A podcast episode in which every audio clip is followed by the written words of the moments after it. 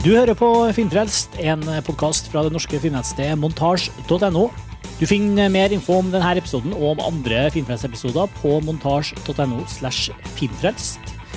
Og Filmfrelst distribueres nå også i samarbeid med Dagbladet, så det er godt mulig at du hører på episoden her via db.no film. Jeg heter Martin Sivertsen, og i dag har jeg med meg montasjeredaktørene Eirik Smidesang Slåen og Karsten Meinick samt eh, Lars Ole Kristiansen, også fra Montasj, og eh, filmprodusent Erik Fogel fra Tordenfilm. Da er vi klar? Ja!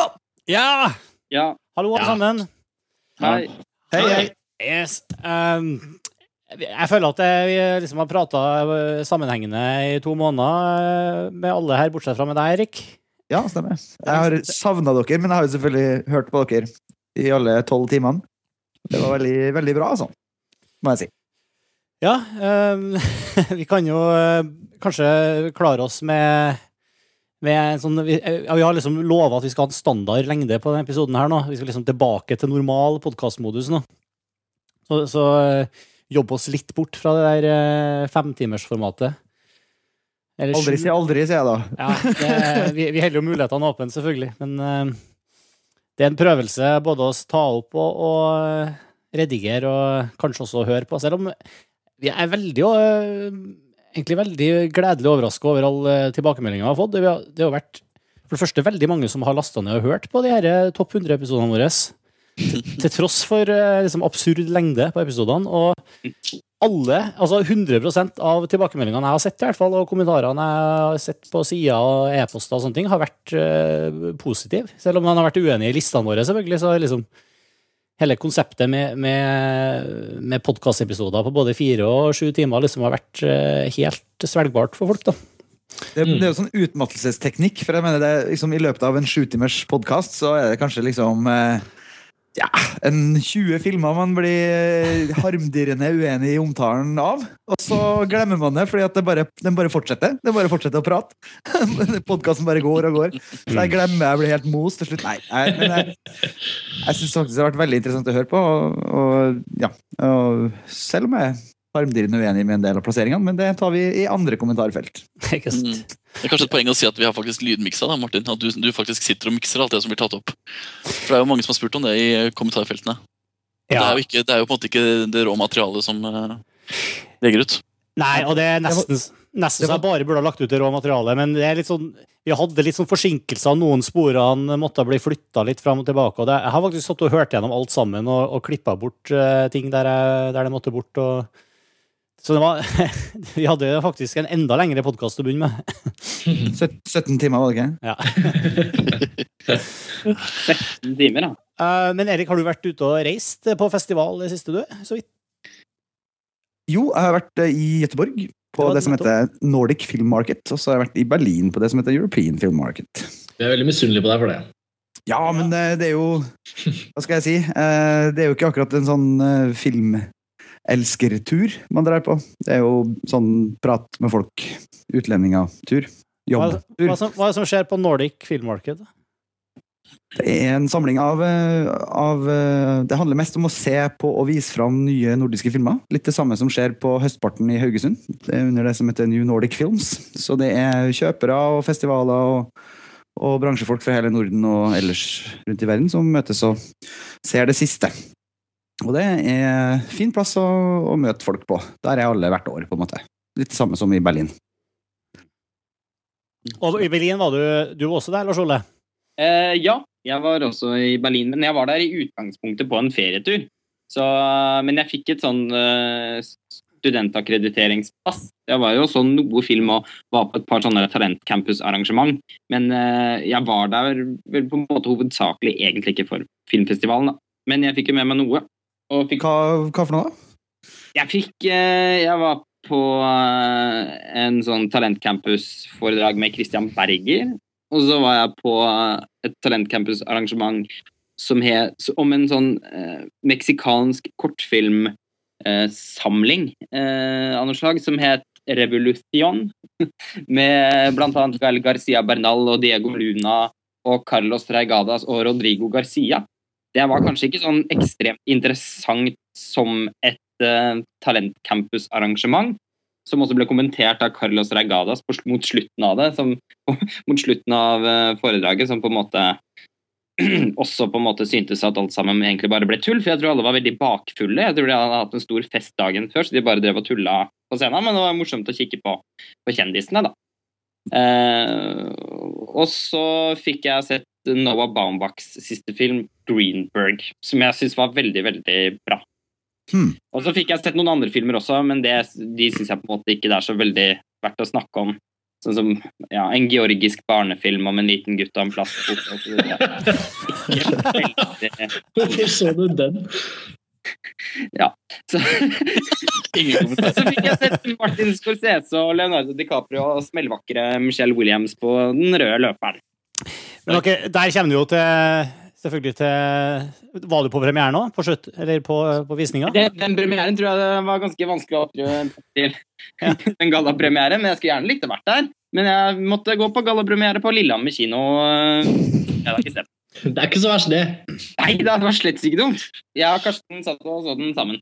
Og det er en film jeg tror vi kan snakke ganske mye om. Og Den heter Shutter Island. Det er jo en av de filmene vi har bestemt at vi skal prate Vi, liksom, vi ligger jo litt på etterskudd på liksom å diskutere aktuelle filmer i Filmfest, siden vi har uh, eh, snakka om siste tiåret de siste to månedene.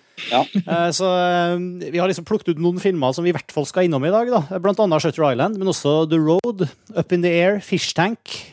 Var det flere? A Single Man. A Single Man, mm. vi kan jo kanskje begynne der med, med Shutter Island. Altså Siste fra eh, Scorsese. Som vi eh, egentlig hadde jo Vi hadde jo litt sånne Vi hadde jo en liten sånn diskusjon rundt Scorsese i forhold til 2000-tallet. Eh, mm. Hvor vi ikke syntes at han hadde hatt sitt beste tiår, for å si det sånn. Nei. Da har det vært litt tamt. Ja. Bortsett fra kanskje Departed, så forventer vi at uh, The Aviator og Gangs of New York hovedsakelig var ganske tamme. Veldig visuelle filmer, men ganske tamme innholdsmessig, kanskje. Mm. Ja. Og så har vi kanskje hatt litt forskjellige favoritter blant de han lagde i forrige tiår, men en sånn generell enighet om at liksom, produksjonen hans sånn sett over ett manglet liksom den, den Scorsese man kanskje har blitt kjent med gjennom filmene fra særlig 70-tallet. At han ja, altså, har blitt en litt sånn tilbakelent uh, fyr som gjør mest sånn visuelle ting, men som egentlig mangler litt hjerte, da, litt sjel i filmene. Og så tror jeg også at alle på en måte, Det var en litt sånn kollektiv irritasjon over at disse filmene, på tross av at de er veldig flotte, men dessverre veldig tamme, så har de jo fått ufattelig mye anerkjennelse. Som, mm. som vi på en måte vel føler at altså De har eh, blitt nominert til sikkert 30 Oscar til sammen, på en måte, og det var vel også noe av det som vi irriterte oss litt over, da. Mm. Det er en morsom inngangsportal til Shutter Island. fordi den har jo, altså Traileren viste jo en veldig visuell film. Og jeg tenkte jo at shit, nå får vi enda en sånn film som er altså Fotoet er bare wow, kjempebra, og kostymer og alt er bare skikkelig bra, men så kommer det til å mangle nerve og historie og følelser. da. Så jeg, jeg tenkte de, de samme fordommene på nytt nå, da, når jeg skulle se Shutter Island. Det tenkte jeg også, må, må jeg si. Jeg hadde veldig lave forventninger. Ja, jeg, jeg, hadde litt sånn middels forventninger, følte jeg. Det handlet om mange ting. Jeg følte kanskje ikke at Shutter Island så ut til å være en film som befant seg i en sjanger som jeg er spesielt glad i. En slags sånn horror-thriller-sjanger som ikke nødvendigvis lovte noe særlig sånn psykologisk dybde. da. Jeg håpet jo, men jeg var ikke helt sikker. Og så ligger dette samme som dere snakker om nå, med Scorsese. Så det er litt sånn rart å gå til en film hvor man egentlig burde ha enorme forventninger, men føler at det ligger litt sånn og vaker i sånn ingenmannsland. Jeg husker jo at du og jeg snakket om det før vi gikk og så filmen. Og så nå og snakket om at herregud, dette er jo egentlig en ny Scorsese-film. Det er stort. Vi burde ha forventningene burde være i taket, men det var jo ikke det. Vi satte oss jo veldig tilforlatelig ned i salen. Og jeg ser jo at Posteren minner jo veldig om Cape Fear. Ja. ja. Men altså, hele, hele, hele, filmen minner jo om uh, alt ja. mulig annet. Det er jo kanskje først, først man kan si at det her er jo virkelig en uh, altså Vi kan kalle det både en pastisj og en, uh, en hommage og en hva som helst. altså det er vel sjelden laga en film som rommer flere filmreferanser enn uh, Shutter Island, tror jeg. Nei, det tror ikke jeg heller. Men det er også noe av det som er gøy med den. da. Den er jo veldig spennende sånn sett. Jeg har jo ikke sett filmen. Det er bare jeg og Erik kanskje som ikke har sett den. Ja, jeg tror det. Ja, uh, men jeg, jeg, har jo hørt et par og, og, lest et par anmeldelser, og Hitchcock blir jo trukket fram i, i mange av dem. ja, det er jo ikke så rart. Nei. Det morsomme er at det er liksom, kanskje litt sånn eh, graden av hvor man ser på referansene. fordi vi har litt om at En ting er at de tydelige referansene i, eh, i, både tematikk og innholdet, men det er veldig mange sånn subtile referanser som ligger veldig på den filmnærede nivået. Eh, vi snakka litt om bruken av um, blue screen, f.eks. At det er en slags sånn påtatt litt sånn gammeldags følelse av at det er digitale effekter. på en måte. Eh, spesielt i første ak akten av filmen så er det veldig sånn Mm. kunstig. Det virker jo nesten Hitchcock-måte. Ja, De har nesten brukt bluescreen for å illustrere hvordan det ville sett ut dersom det faktisk var back projection. Altså, Nesten gått tilbake og på en måte brukt en effekt for å få det som egentlig kan være en sømløs effekt i vår tid, til å se ut som en gammeldags effekt. Eh, masse sånne små hint som plasseres ut igjennom. Og Hitchcock også var jo altså, Han brukte jo ekstremt falske backdrops i sine filmer. Og han, han gjorde ikke det fordi at han ikke hadde, ikke hadde nok budsjett. eller at Han ikke, altså han hadde jo faktisk hatt muligheten til å lage en del av de bakgrunnene ganske mye bedre enn sånn de er i filmene hans, men fra hans side var jo det et bevisst valg. Altså Han ønsket jo nettopp at uh, disse bakgrunnene skulle skape en eller annen slags forstyrrelseseffekt. da, Mm. som, som, uh, som gjorde at eh, karakterene ble på en måte omringet, omringet av en eller annen sånn slags merkelig kunstig atmosfære, som igjen skapte en, en veldig spesiell stemning da, i, i alle filmene hans. Og det er jo, jeg tenker at det nok er det som eh, Det er nesten den viktigste referansen til Hitchcock i Shutter Island, er den følelsen av at det er noe et eller annet som ikke stemmer, da. Som Mm. er gjennomgående i hele filmen. Og det gir jo en veldig tidlig følelse av uh, direkte urovekkende ubehag. da. Når de på en måte Ja. drar mot øya. ikke sant? De står på en båt og skal mot øya og har en dialog. Da eh, Mark, Mark, Ruffalo og DiCaprio står og snakker om hvor de skal og hvem de er. ikke sant? Mot den Mm. der kunstige ja, sjølandskapet. Og det gir jo en veldig følelse av at shit, her er det virkelig ting som ikke er helt i orden. da. Altså Her er det nerve, og her er det virkelig ubehagelig og kunstig. Og overfladisk, på en måte. Og det handler jo veldig mye om kunstige ting. altså det å ha en fasade. Hele filmen handler jo om det. ikke sant? Ja, og det blir aksentuert i, i filmens form, da. Og, og den, altså filmen begynner jo med at Leonardo DiCaprio kaster opp i do. Så den er jo blæ. Den begynner jo på en måte rett på med Det er ikke første bildet, da. Nei, det er det Jeg synes ikke. det er så vakkert når, når, når skipet kommer ut av tåken. Ja, ja. Mm. Men det er også sånn Ja. 30-talls-homasj, da. er det mest King Kong, kanskje. King Kong. Ja, det er skikkelig King Kong. Altså, det er jo, åh. Men uh, skal vi bare kort si om vi likte den eller ikke? Eller? For det kommer jo kanskje fram her at, at det er en viss form for fascinasjon for denne filmen. Du, jeg bare, jeg bare I forhold til å si at sånn at med green screen-effekter og sånn jeg, jeg leste nettopp på bloggen til Jon Erling, på elling.montasj.no. Uh, som er en av, en av de som blogger under, under montasje. Han, I tillegg til å si, så påpeker han at, at det også er noen sånne continuity-brister og sånn her. Ja, altså, det, ja, Vi kan snakke om det etterpå rent teknisk, men også det er veldig mange ting som er lagt inn i filmen som virker veldig forstyrrende. da. Det, handler, det er en del sånn brudd. Men er det bevisst, eller er det ikke? For jeg får liksom, jeg har hørt omtrent i like, i like store doser altså Er det ønsketenkning at det er lagt inn sånne feil, eller er det bare at det er rot? liksom? For jeg har hørt i omtrent like store doser at det her er en eh, altså, en røre uten like som ikke henger sammen. og som Altså, det, er mange som, det er mange som ikke liker filmen òg, som bare syns den er helt uh, amatørmessig. Så jeg vet ikke hva jeg skal tro. Det er jo helt utrolig å sitte og si. Da må man, ja. da må man følge bedre med i timen, altså. Altså, jeg, tror, jeg, jeg, jeg, kan- jeg, kan, jeg kan, ikke forestille meg Thelma Schumacher klippe en film som har kontinuitetsfeil. da. Eh, En, en klipper som har eh, altså kanskje verdens største klipper. ja, Pluss at jeg tviler på at de hadde glemt å putte et glass i hånden til en skuespillerinne når hun skal drikke. Ja, ikke sant? Ja. Altså, jeg tror absolutt det er For å svare deg, Erik, da. Jeg tror det er veldig veldig tilsiktet. Og jeg tror det som kommer til å gjøre samtalen om denne filmen er så spennende i årene som kommer, eh, særlig nå selvfølgelig, men også sånn over tid, når folk får sett den flere ganger, er jo faktisk akkurat det motsatte. At den filmen kommer nok til å Ved første syn så kjenner jeg liksom at det er enkelte av de tingene som kanskje man blir litt utrygg på om det bare er overfladisk og overtydelig, eller om det faktisk er substans i, i bruken. Men, men i løpet av filmens siste 20 minutter så blir det nesten umulig å oppfatte filmen som noe annet enn gjennomarbeidet. Da, for, fordi de har skullet bygge opp en veldig sånn lagvis fortellerform, egentlig. Og når vi nå får tid til å se den flere ganger, så er jeg overbevist om at vi kommer til å oppdage enda flere detaljer. Ting du ikke kan se ved første gjennomsyn. Og forhåpentligvis så kommer det bare til å øke i kvalitet, egentlig sånn sett. Og jeg liker den veldig godt etter første gjennomsyn. Det høres ut som alle dere tre liker den veldig godt. Nei, jeg, jeg er faktisk en todel, for jeg synes faktisk at altså, selv om jeg, jeg, jeg er også helt enig med at alle grepene er gjort bevisst. da. Altså, Det er annet en del merkelige lydbroer som er helt absurde. altså Lydmiksen er veldig sånn, den er, altså, den er forstyrrende da, til tider. Altså Du tenker bare at du er inne i en scene, og plutselig bryter han bare tvert av og går til noe helt annet som er et helt annet miljø. da. Uh, og du mister hele kontakten med filmen, og du blir nesten sånn satt tilbake i kinosetet og tenker at ja, nå er jeg faktisk på kino, jeg er ikke på Shutter Island. Det skjer veldig ofte. Men jeg, jeg tror, for meg så var det veldig todelt, for dels så funker det, og dels så tenker jeg at kanskje Scorsese har tatt det litt for langt. da. At det, gått, at det går litt over styr. Han, eh, han mister litt grepet mot slutten av filmen, det blir litt rotete. Han, han, han greier ikke helt å ta alle de ideene sine helt i land. da. vil jeg påstå. Men henger det sammen med at filmen er satt altså, Så vidt jeg har skjønt, så er det satt til en sånn uh, psykiatrisk uh, anstalt som er en hel øy? Altså, du kan tenke deg, Det starter ja. med to politietterforskere som drar til en øde øy, hvor det er en skog, hvor det er gamle hus, hvor det er en militærforlening, hvor det er gale mennesker, hvor det er seriemordere og voldtektsmenn. Og, altså, og, det er tåke, og det er storm, og, og det er 1954, og du har periodesettingen. altså det her er virkelig det her er en horrorroman. da, Egentlig mener jeg en film, for så vidt. Så hele, alt, det, alt, det, vi snakker om nå med tekniske ting, inngår i en sånn kjempe, kjempe, kjempeprosjekt som handler om, egentlig, om en film som virkelig bare skal rendyrke alt det som kan rendyrkes av horror og jeg vet ikke, liksom gotiske stemninger. Da. Alt er der. Og Samtidig så, så, på et eller annet merkelig vis så fletter den jo også inn en, nesten en sånn Douglas Sirk-aktig melodrama mm. inni der også.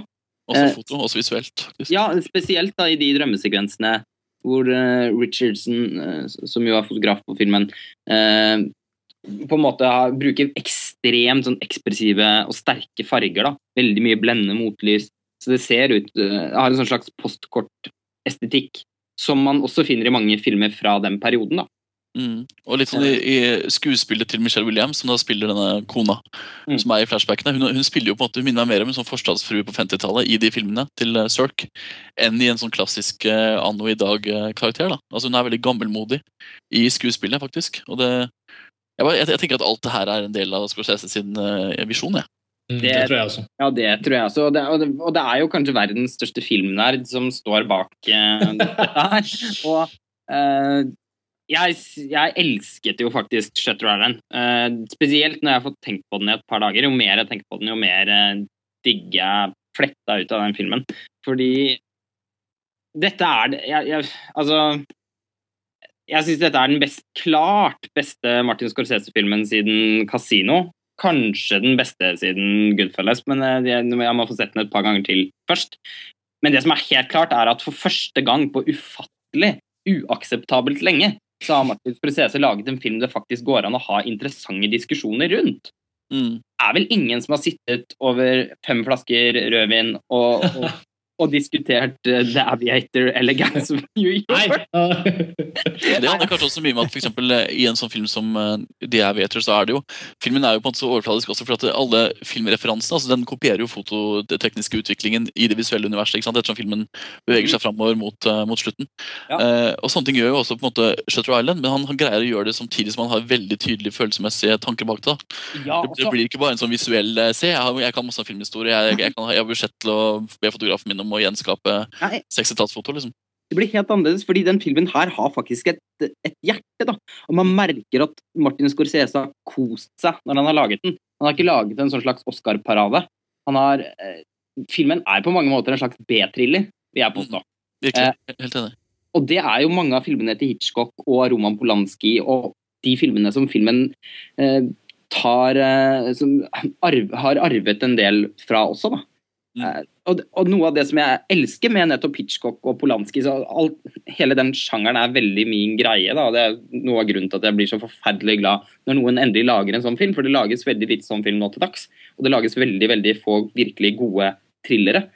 Så det er sikkert også en av årsakene til at jeg var nok veldig sultefora på den filmsjangeren også, da. Men eh, det som noe av grunnen til at jeg elsker både Hitchcock og Polanski og disse karene er så forferdelig godt, er jo nettopp at det er et sånn lite element av dårlighet inni der. da. Det er jo altså det, det er liksom litt som pulp, eh, B-thriller eim over de fleste av de beste filmene til f.eks. Alfred Hitchcock. Mm. Det er det faktisk. Det er jo litt sånn kioskromaner. Men da er det jo nesten kanskje litt mer at det, det er på en måte ikke et grep. Da Da var det nesten at det var, faktisk var det det var. Og, og i ettertiden så virker det som et noe positivt, da.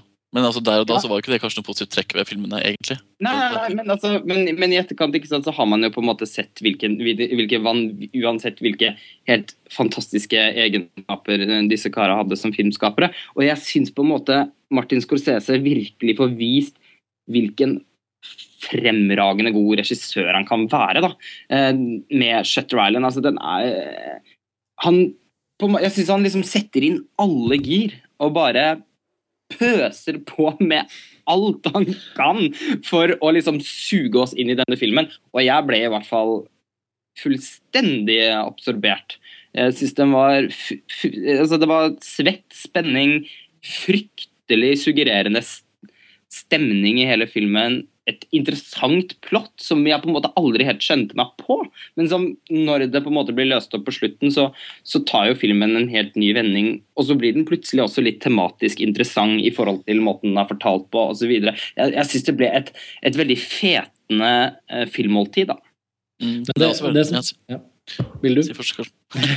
Det du litt, kom litt inn på der, som jeg syns er litt viktig å ta med. da, fordi jeg tror det er ganske, sikkert mange, ganske, ganske mange lyttere som også har en litt sånn aversjon mot den følelsen han får av filmen. Som nettopp er det at han bare banker på da, med bildene. Hvert eneste bilde ser så mettet ut i farger og mettet ut i skuespillerstil. Og liksom, øh, og musikken pumper på. liksom, Den er jo overdose på en måte. Og, og halvveis i filmen så var jeg utrolig utrygg på hvordan dette kom til å gå. Jeg var veldig inni det, jeg var dødsfascinert. Men jeg ventet også på når det som enhver god film må ha for å funke, skulle komme. Da. Som nettopp er dette hjertet du nevnte, eller denne, denne koblingen mellom det som fortelles visuelt og det som foregår i en eller flere av karakterene som gjør at vi faktisk sitter igjen med den følelsen når filmen er over. Og jeg, Halvveis i filmen så var jeg litt bekymret, ikke fordi det ikke var fascinerende, men nettopp fordi at jeg ventet på å få flere knagger inn til karakterene som gjorde at jeg kunne være med på det som faktisk foregikk. Så i det øyeblikket plottet kanskje var på sitt minst forklarte, og begynte å ta forskjellige vendinger, eh, da det begynte å bli sånn konspiratorisk fra hovedpersonens side, så tenkte jeg sånn Ok, hva, hvor er vi på vei nå? Er det liksom 50-tallets atom, atomfrykt? Altså Hvor mye er det som skal inn i den filmen? Og når den da heldigvis ikke faller for Altså Når den ikke forsvinner ut i det uforståelige, men heller sakte, sakte snikes inn mot noe som blir veldig interessant, da, som man kan faktisk relatere seg til, da var det så da var det skikkelig payoff. Og da kommer alle disse virkemidlene og treffer deg. ikke sant? Så liksom sånn, Den får en sånn, sånn, bakovervirkende effekt. At Desto nærmere man kommer slutten, desto bedre blir alt du har sett frem til det. Og Det syns jeg er virkelig det mesterlige Scorsese eh, fikk til med Shutter Island. Og nok en gang, desto mer man tenker på det, desto bedre føles filmen. Jeg vil faktisk si, altså jeg, jeg, jeg det er ikke følelsesmessig engasjement som gjør at jeg faktisk liker film så godt. for min del. Da. Jeg vil faktisk si at mm. Den bare ble mer og mer fascinerende. da. Jeg tror kanskje fascinasjonen over Shutter Island, og da mest plottet og den der virkelig utrolige historien da, som det fortelles.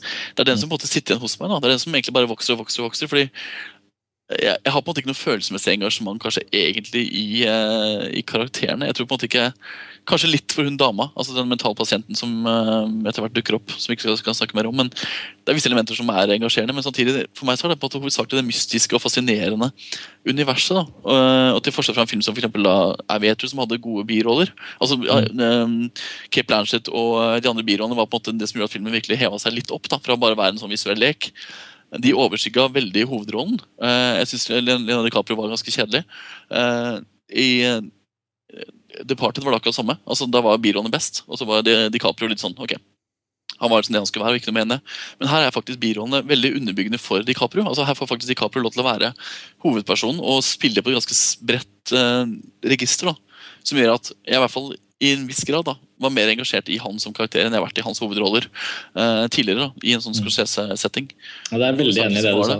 Ja, ja, det er jeg veldig, veldig enig i også. Den klart mest engasjerende karakteren han har spilt i en Scorsese-film. Det sier veldig mye vil jeg på som filmen. for det, det, sier ganske mye om at det faktisk Scorsese greide å holde en film Selv om det er overdådig, så er det nøktern, fordi vi holder oss til én person. da.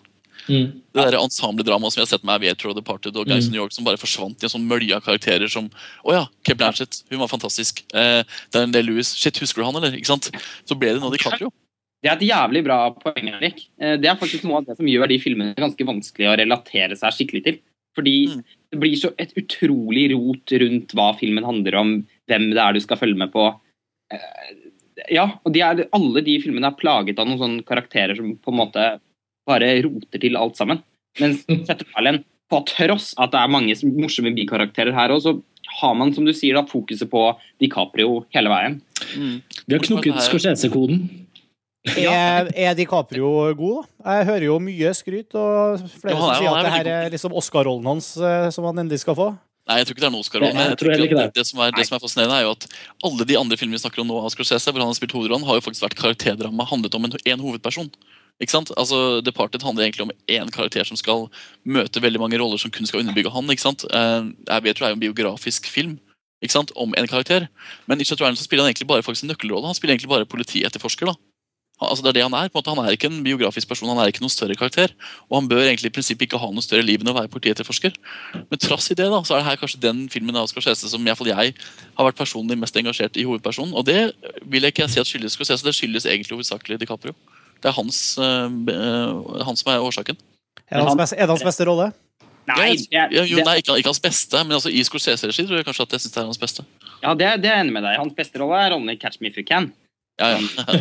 Den er han jo født Selvfølgelig! men altså, må også nevne at, eh, at, la oss si eh, Ben Kingsley er kjempegod liksom, i denne filmen her. I uh, største birollen. For første gang siden Sexy Beast. Ja, og jeg tipper han kanskje kan være en birollekandidat neste Oscar-utdeling. Pluss at vi må ikke undervurdere den vanvittige gleden over eh, over den scenen hvor et kamera, hvor kamera sniker seg mot en gammel sånn gusten skinnlenestol, og Max von Sydow sitter med et whiskyglass på den andre siden! Det var så fint.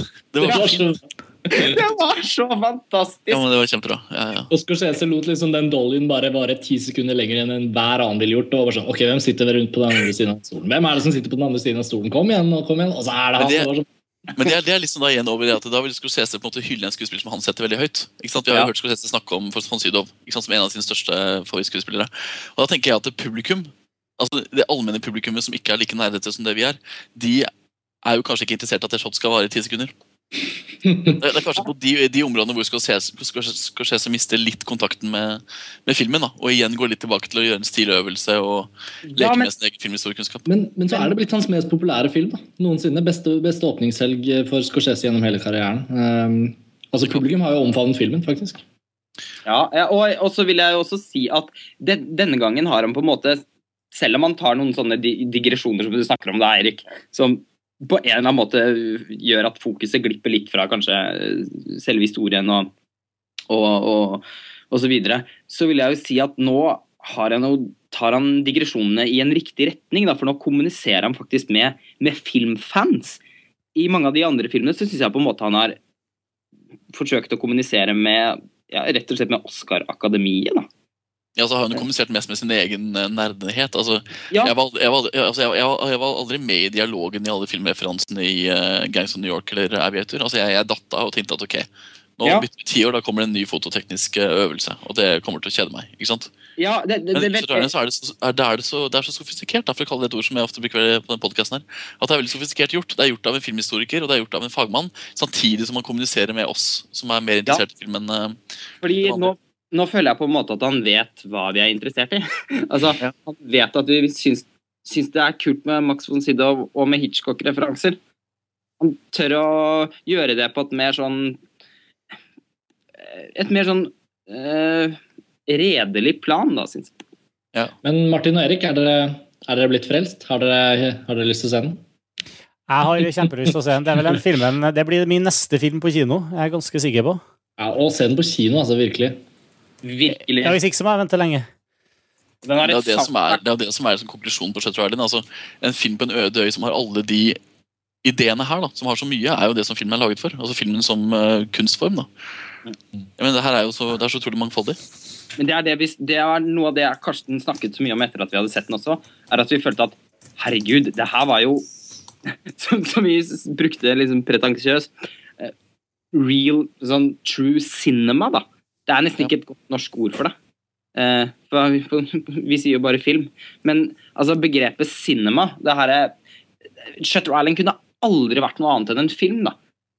Og, og det er så tydelig at, man, at, at, det er en regissør som har så fullstendig kontroll på media den jobber med. Eh, som, som, bare Jeg, jeg syns det er som et, eh, et overflødighetshorn. da men det er samtidig, det vil jeg samtidig si faktisk at jeg er ikke enig med at det er en regissør som har så peiling på filmspråket. fordi han har hatt det i alle filmene sine. Laget, altså Alle filmene hans er kjempestødige. Iallfall i fram til kanskje tre-fire første er kanskje ikke så stødige. Men de, mm. alle, de, alle de vi snakket om i stad, har vært stødige filmer fra regihånd. Men de har manglet innlevelsen, de har manglet følelsene. Mm. Ikke sant? Så jeg vil si at det, egentlig, det her er på en måte Scorsese som gjenoppdager et publikum. da, vil jeg påstå. Jo, ja, men det, skal jo sies at Shutter Island er basert på en bok, så den har jo vært fortalt i et annet format. Men spørsmålet er om noen hadde klart å skrive en roman basert på filmen Shutter Island. Jo, men jeg synes at det her, er, det her er jo først og fremst en, en sånn kjempegotisk um, roman fra 1800-tallet. Altså Det virker som en roman på film, da. Sånn som mm. jeg ser det. Men det visuelle gjør at uh, altså, Om alle disse skuespillerne, det er, det er så mange grunner til å gå og se den filmen at uh, det burde være nok å bare anbefale den. La oss håpe vi har overbevist uh, de som hører på. Ja, det må vi håpe på. Og at, at den filmen har fått eh, At dette er den filmen som har fått klart dårligst kritikker av de siste Scorse- Scorsese-filmene i norske medier, det, det, det syns jeg er vitner om litt sånn tørrpinn. Det, det, det, det syns jeg er helt ubegripelig. De, de må ha sovnet tidlig. Den ble sendt tidlig på morgenen, jeg aner ikke. Men å, å komme ut av Shutter Island og ikke føle seg underholdt, i hvert fall på et eller annet plan, det har jeg veldig problemer med å forstå. Men de jeg så den sammen, de mislikte den alle sammen. Gjorde de det? Mm. Jeg så den sammen med lillesøster og, og samboer, og eh, vi møtte to venner av oss utenfor som heller ikke likte den i det hele tatt. Da. Eh, og så syntes den var eh, både kjedelig og uinteressant. Så jeg tenker at kanskje, selv om det her er kanskje den mest kommersielt tilgjengelige filmen, har mange ment, da, så mener jeg faktisk at det kanskje er den mest kommersielt utilgjengelige filmen han har laget på mange år. Nettopp for at den tør å være så brutal i formen og jeg vet ikke, Den er ganske rå, da, teknisk. Det blir jo sp litt spennende å se faktisk hvordan denne filmen kommer til å liksom Ja. øh, være, være i folks bevissthet og eventuelt bli en film som folk får lyst til å se om igjen, sånn som jeg kjenner veldig sterkt på. Eller om kanskje faktisk Ja, nettopp. Forbli ignorante og driter i den, liksom. Det er jo ikke umulig, det heller. Og så må, må jeg bare kort skyte inn at uh, i alle, i hele den referansegrøten, så, så klarer jo også da mm, Scorsese å ha en vanvittig flott referanse til det som kanskje er min favorittfilm, Stanley Kubricks in The Shining. Det er en scene inni der hvor det ligger eh, tre små barn drept med øks på et rutete gulvteppe, og det er vel det er vel det flotteste jeg har sett på veldig, veldig, veldig lenge.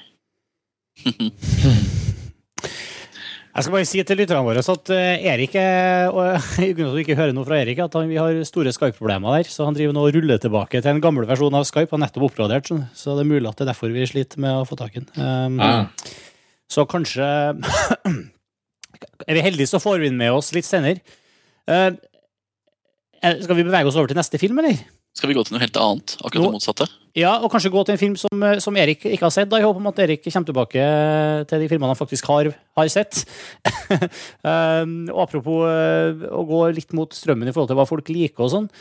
Uh, Andrea Arnolds uh, film 'Fish Tank' har jo nettopp hatt, eller nylig hatt premiere i, i, i Norge. Og Mm. Det er en film som generelt sett har fått veldig god mottakelse, men eh, den er vel egentlig ganske kjedelig, er den ikke det, Erik? Jo, den er veldig kjedelig. Jeg må fortelle, jeg må fortelle litt om settingen. For, Ja. Fin intro. fordi, eh, altså, Fishtank er en film som handler om en uh, jente i en sånn drabantby, uh, kjipt univers, og som har en, dame, en mor som får en kjæreste. Og denne kjæresten vekker til live en del nye ting. da, Jenta. Det er sånn problembarnfilm. Eh, så plottet er veldig sånn enkelt og lett å, å forstå. Eh, men Lars Ole, Karsten og jeg og flere i montasje så den her i Carla Vivari i fjor sommer. Eh, og vi gikk ut av kinosalen, og alle elska filmen, og jeg syntes den var dørgende kjedelig. Så jeg er i mindretall. Og jeg jeg har skrevet omtalen på montasje og fått hets eh, både internt i montasje og av eksternt. Og det er noe med at det her er en film som har fått strålende mottakelse. Den fikk juryprisen i Cannes. eh, og i det hele tatt. Og jeg tipper at Lars Ole Karsten har bedre argumenter for hvorfor den er dårlig enn jeg, har for at den er eh, god. Men eh, jeg syns det er en veldig kjedelig film. Jeg vil si det først, og så kan jeg la Lars Ole Karsten slippe til. Um, ja, jeg, mm, det mm, Ja, nei, det ble veldig Hvordan skal man svare på det? Jeg likte jo filmen. Um, men eh, det er en god stund siden jeg har sett den. da Sånn at eh, jeg har tenkt mye på den, og ikke minst tenkt ganske mye på Andrea Arnold i det siste, som jeg nesten syns er det mest spennende med hele filmen. Altså filmens regissør. En britisk eh, dame som som vant en Oscar for beste kortfilm for noen år siden, og som etter den ble hyret inn til å lage en film som heter Red Road. Som i utgangspunktet var en del av et nytt konsept utviklet av danskene i Sentropa, von Trier og Lone Scherfig og flere. Som handlet om at et sett med karakterer som hadde mm, ja, blitt utviklet eh, eh, for flere regissører, da, skulle være med i flere filmer. Eh, og Den første av disse filmene ble Andrea Arnold regissør for. og Det har ikke kommet flere filmer i serien, men tanken var at dette var karakterer som skulle gå igjen over flere filmer. da.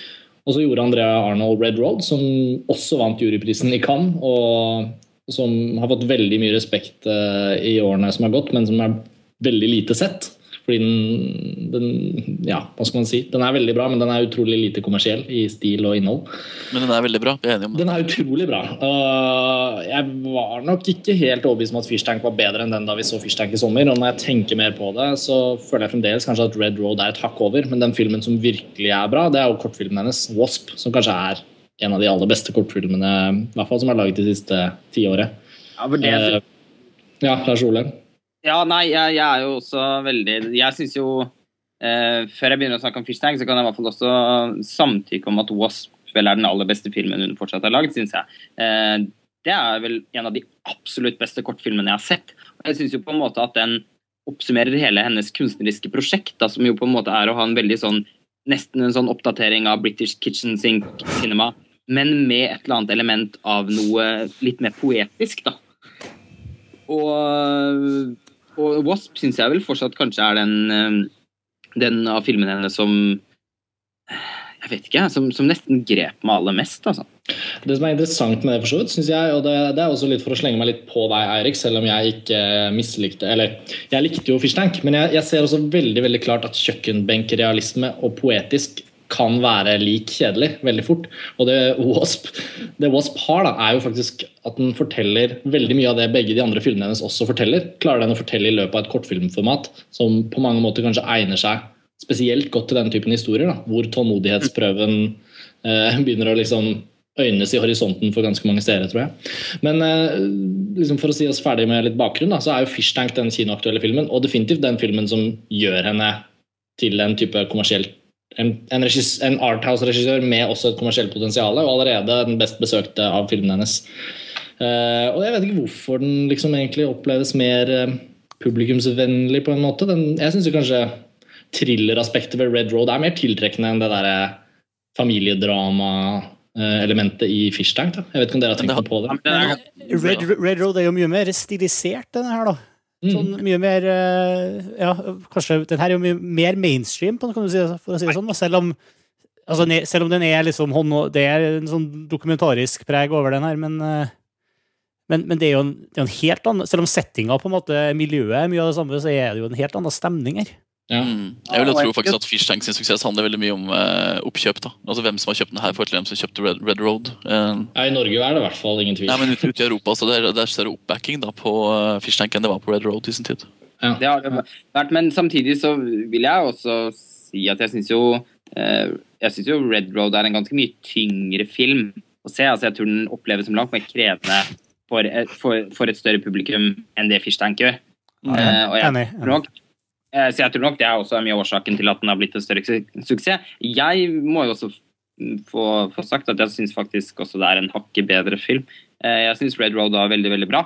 Eh, men, eh, men jeg ble mer engasjert i Fish Tank. Det handlet først og fremst om at eh, altså Ungdomsfilm generelt er en sjanger jeg er veldig glad i. da, Så jeg er litt sånn sucker for det. Men eh, jeg syns jo også at filmen har en helt fantastisk hovedrolle og en fantastisk hovedkarakter. Så hun er fylt med eh, Filmens tittel er utrolig poetisk. altså og, og veldig god, syns jeg. Fish Tank. Altså, det handler jo på, på en måte om en slags liten gullfisk som svømmer rundt, men som, aldri, men som dessverre må befinne seg i, en, i, i, i et slags akvarium. Og som hun aldri kommer ut av. Og jenta i Fish Tank er jo egentlig en jente full av talent og liv, på en eller annen måte. Hun er, altså, har et ekstremt pågangsmot.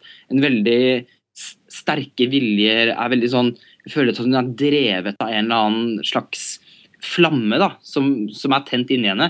Men alle rundt henne forsøker bare å slokne den flammen hele tiden. og Derfor blir hun møtt med skuffelse på skuffelse på skuffelse, som gjør at hun blir veldig veldig sint. Og jeg synes jo hun skuespilleren som, som, som Andrea Arnold fant på gata fordi hun hadde krangla med kjæresten din og gjorde det på en veldig Overbevisende måte.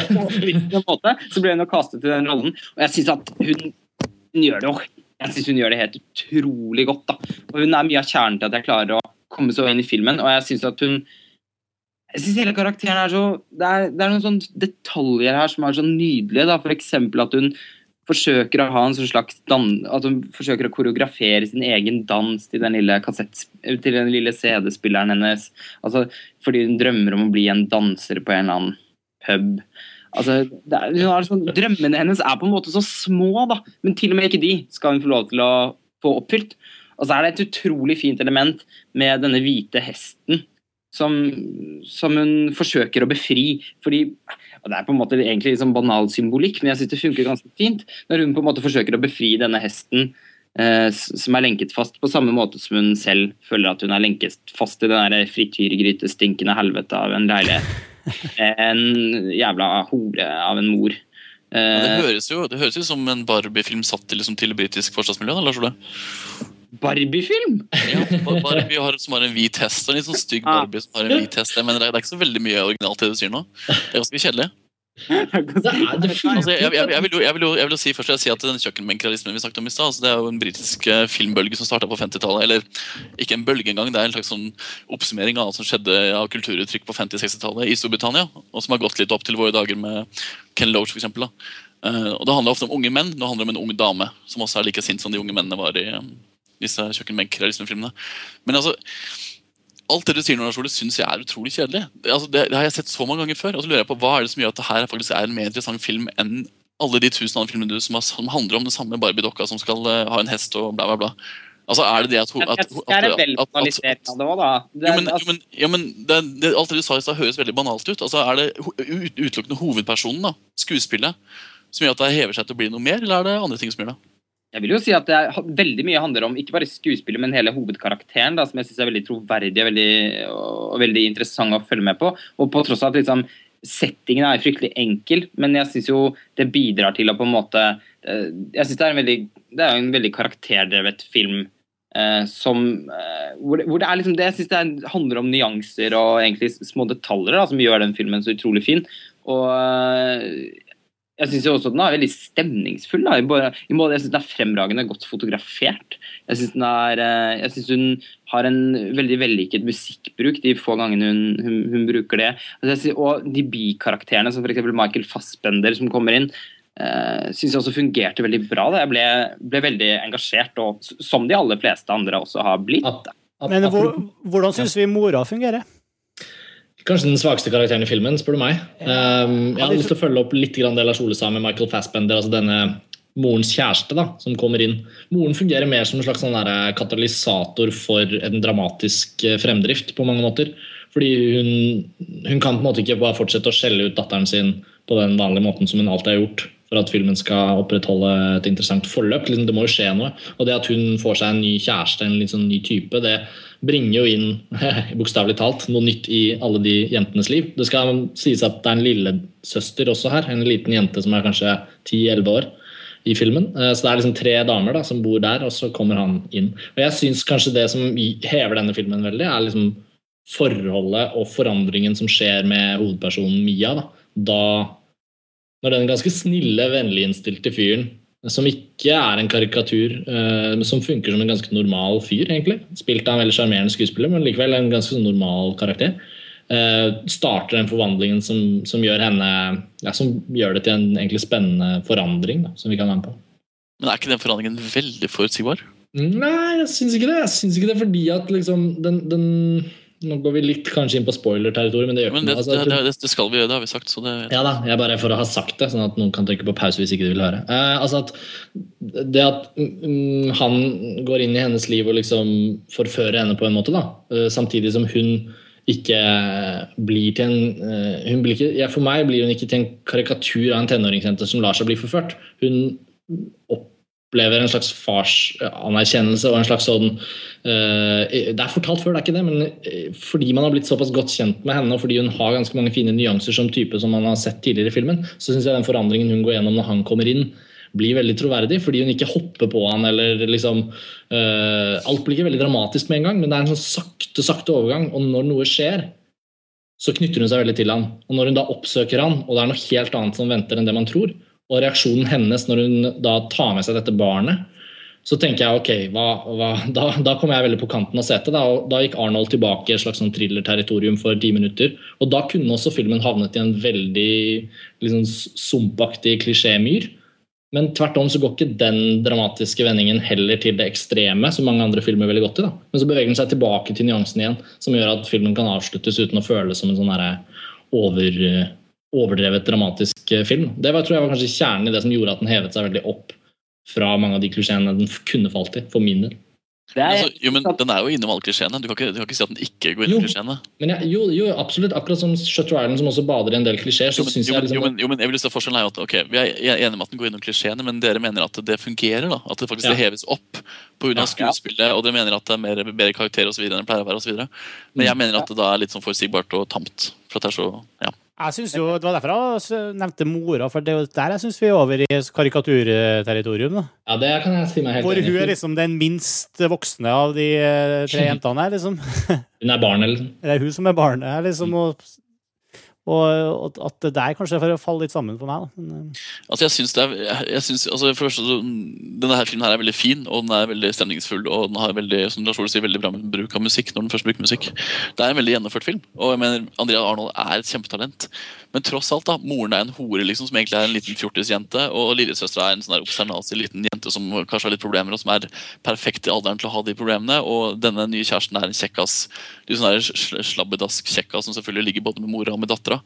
Og hovedpersonen selv er en sånn sint, eh, liksom sånn påtatt aggressiv karakter. da. Altså, jeg bare, når jeg, kaller filmen kjedelig, så er det ikke det for at den er kjedelig eh, altså at jeg sovner av den. Det er ikke det. Men den er kjedelig forutsigbar. Altså, Handlingen har ingen elementer som gjør, gjør at jeg tenker oi, wow, det her var jo virkelig eh, noe nytt eller her var noe engasjerende. Og alle filmer behøver ikke å være nye. Alle filmer behøver ikke å ha noe forfriskende et eller annet å si. Men her var det så utrolig til de grader til fingerspissene innom hver eneste klisjé. Til siste scene, liksom. Og da, og da datt jeg ganske fort av. og ble litt sånn åh, ok, men altså, Jeg ble skuffa fordi Arnold er en stor regissør. Og jeg syns Red Road var en kjempebra film. Eh, Jeg synes Wasp er en kjempebra kortfilm.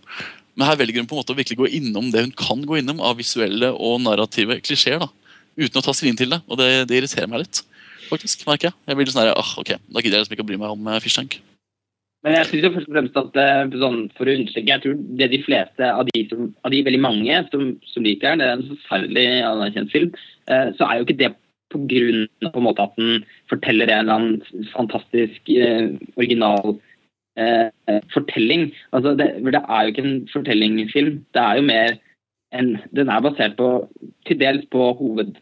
At man liksom får virkelig muligheten til å tre inn i en hovedkarakter. Og videre så baserer den seg veldig på på en måte på stemninger. da. Så det er jo eh, og, jeg, og jeg kan også godt skjønne at man kan synes den er kjedelig, men jeg tror den er jeg synes den fungerer veldig godt innenfor de rammene jeg føler at den selv har satt. da. Men jeg er ikke enig. altså for det første, for det første er Den ikke så anerkjent som du sier. Den er ikke så forferdelig anerkjent. Den, er, den har fått god kritikk, men altså, det har også vært de som har kommentert for Veldig, veldig gode kritikker. Den var lenge Nei, den er, ikke, den, er ikke, den er ikke så altså, Enkelte mennesker har også kommentert det jeg snakker om nå, at den er for første veldig forutsigbar, og at den faktisk ikke helt greier å få ut det potensialet som den har da, i historien sin. altså den, Den er litt for enkel, da, rett og slett. Også i forløsningen. så er den litt for sånn Oi, det sånn det skal være? Men det er jo, det er, altså, jeg vil faktisk si at Filmfest er jo veldig uavhengig av hva andre folk mener. for det, vi, har, vi er veldig ofte i konflikt med hva andre folk mener uansett. Så det, det, men- det, det, det, det, er, det er, jeg synes egentlig er dørgende uinteressant hva resten av verden mener om Fishtank. For helt ærlig. Det, Men det- men det, som jeg vil si, det som jeg vil si for å fullføre, er er. Hva sa du? Ja, altså, jeg ville bare framheve årsaken til Altså, eh, nå virker det jo som, som nesten helt uforståelig eh, hvordan man kan like den filmen. Og jeg bare Altså, Du sa jo selv at de aller fleste er uenige med deg. Og, uh, Men det er ikke noe poeng i det. Altså, Podcasten vår handler ikke om at vi skal gå inn og tilfredsstille hva resten av verden mener. Vi er veldig ofte i konflikt med Nei, hva nei, men- mener, og hva som skjer internt i det rommet mellom oss over Skype nå, som våre lyttere hører på. Det handler om hva vi mener om film. ikke sant? Det har vi fått mye kommentarer på også i kommentarfeltet. Vi skal være kjempearrogante og påståelige og mene det vi mener om film. Og jeg mener at Fishnack er en veldig kjedelig film, og det står jeg for, selv om resten av verden syns det er et mesterverk. Men jeg vil fullføre det jeg begynte å, å snakke om i stad, og gjøre meg ferdig med, med resonnementet mitt. Eh, jeg syns det er kjipt, da, for å konkludere, jeg synes det er kjipt at André Arnold faktisk velger å gå tilbake til sånn trivielt univers. For jeg likte uh, Red Road fordi hun faktisk lekte seg litt med en del nye ideer, både visuelt og narrativt. At hun blanda litt sjangere og var litt mer kreativ. Så nå håper jeg da at hun får litt bedre materiale neste gang. At hun får et materiale som er litt mer visuelt utfordrende, og litt mer kanskje utfordrende i forhold til uh, handling enn det hun har i Fish Tank. Om man liker det eller ikke, så håper jeg at hun tar det litt lenger. da. At hun tør litt mer.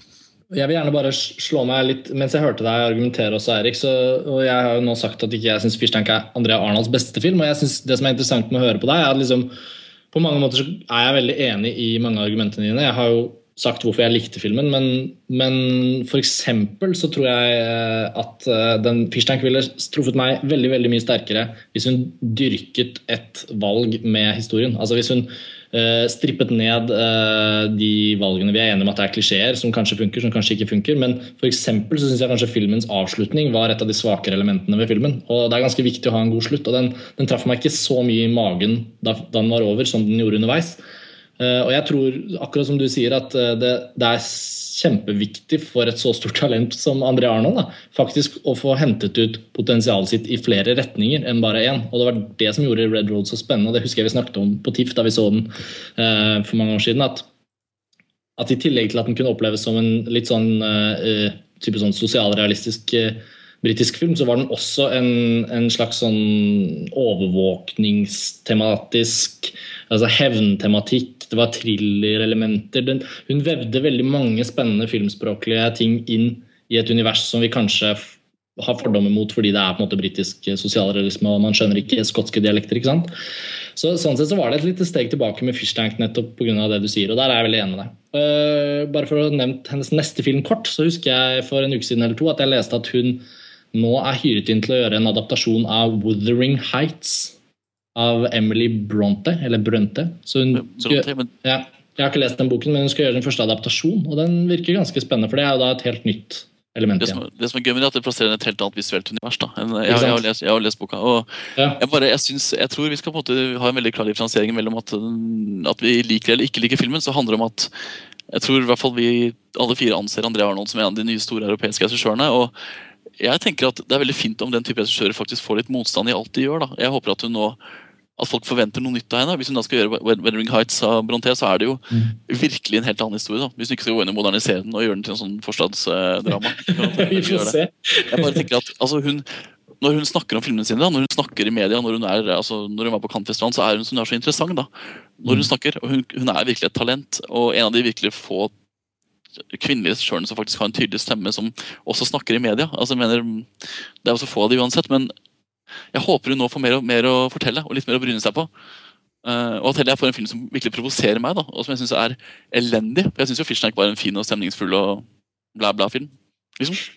Ikke sant? Alt det her.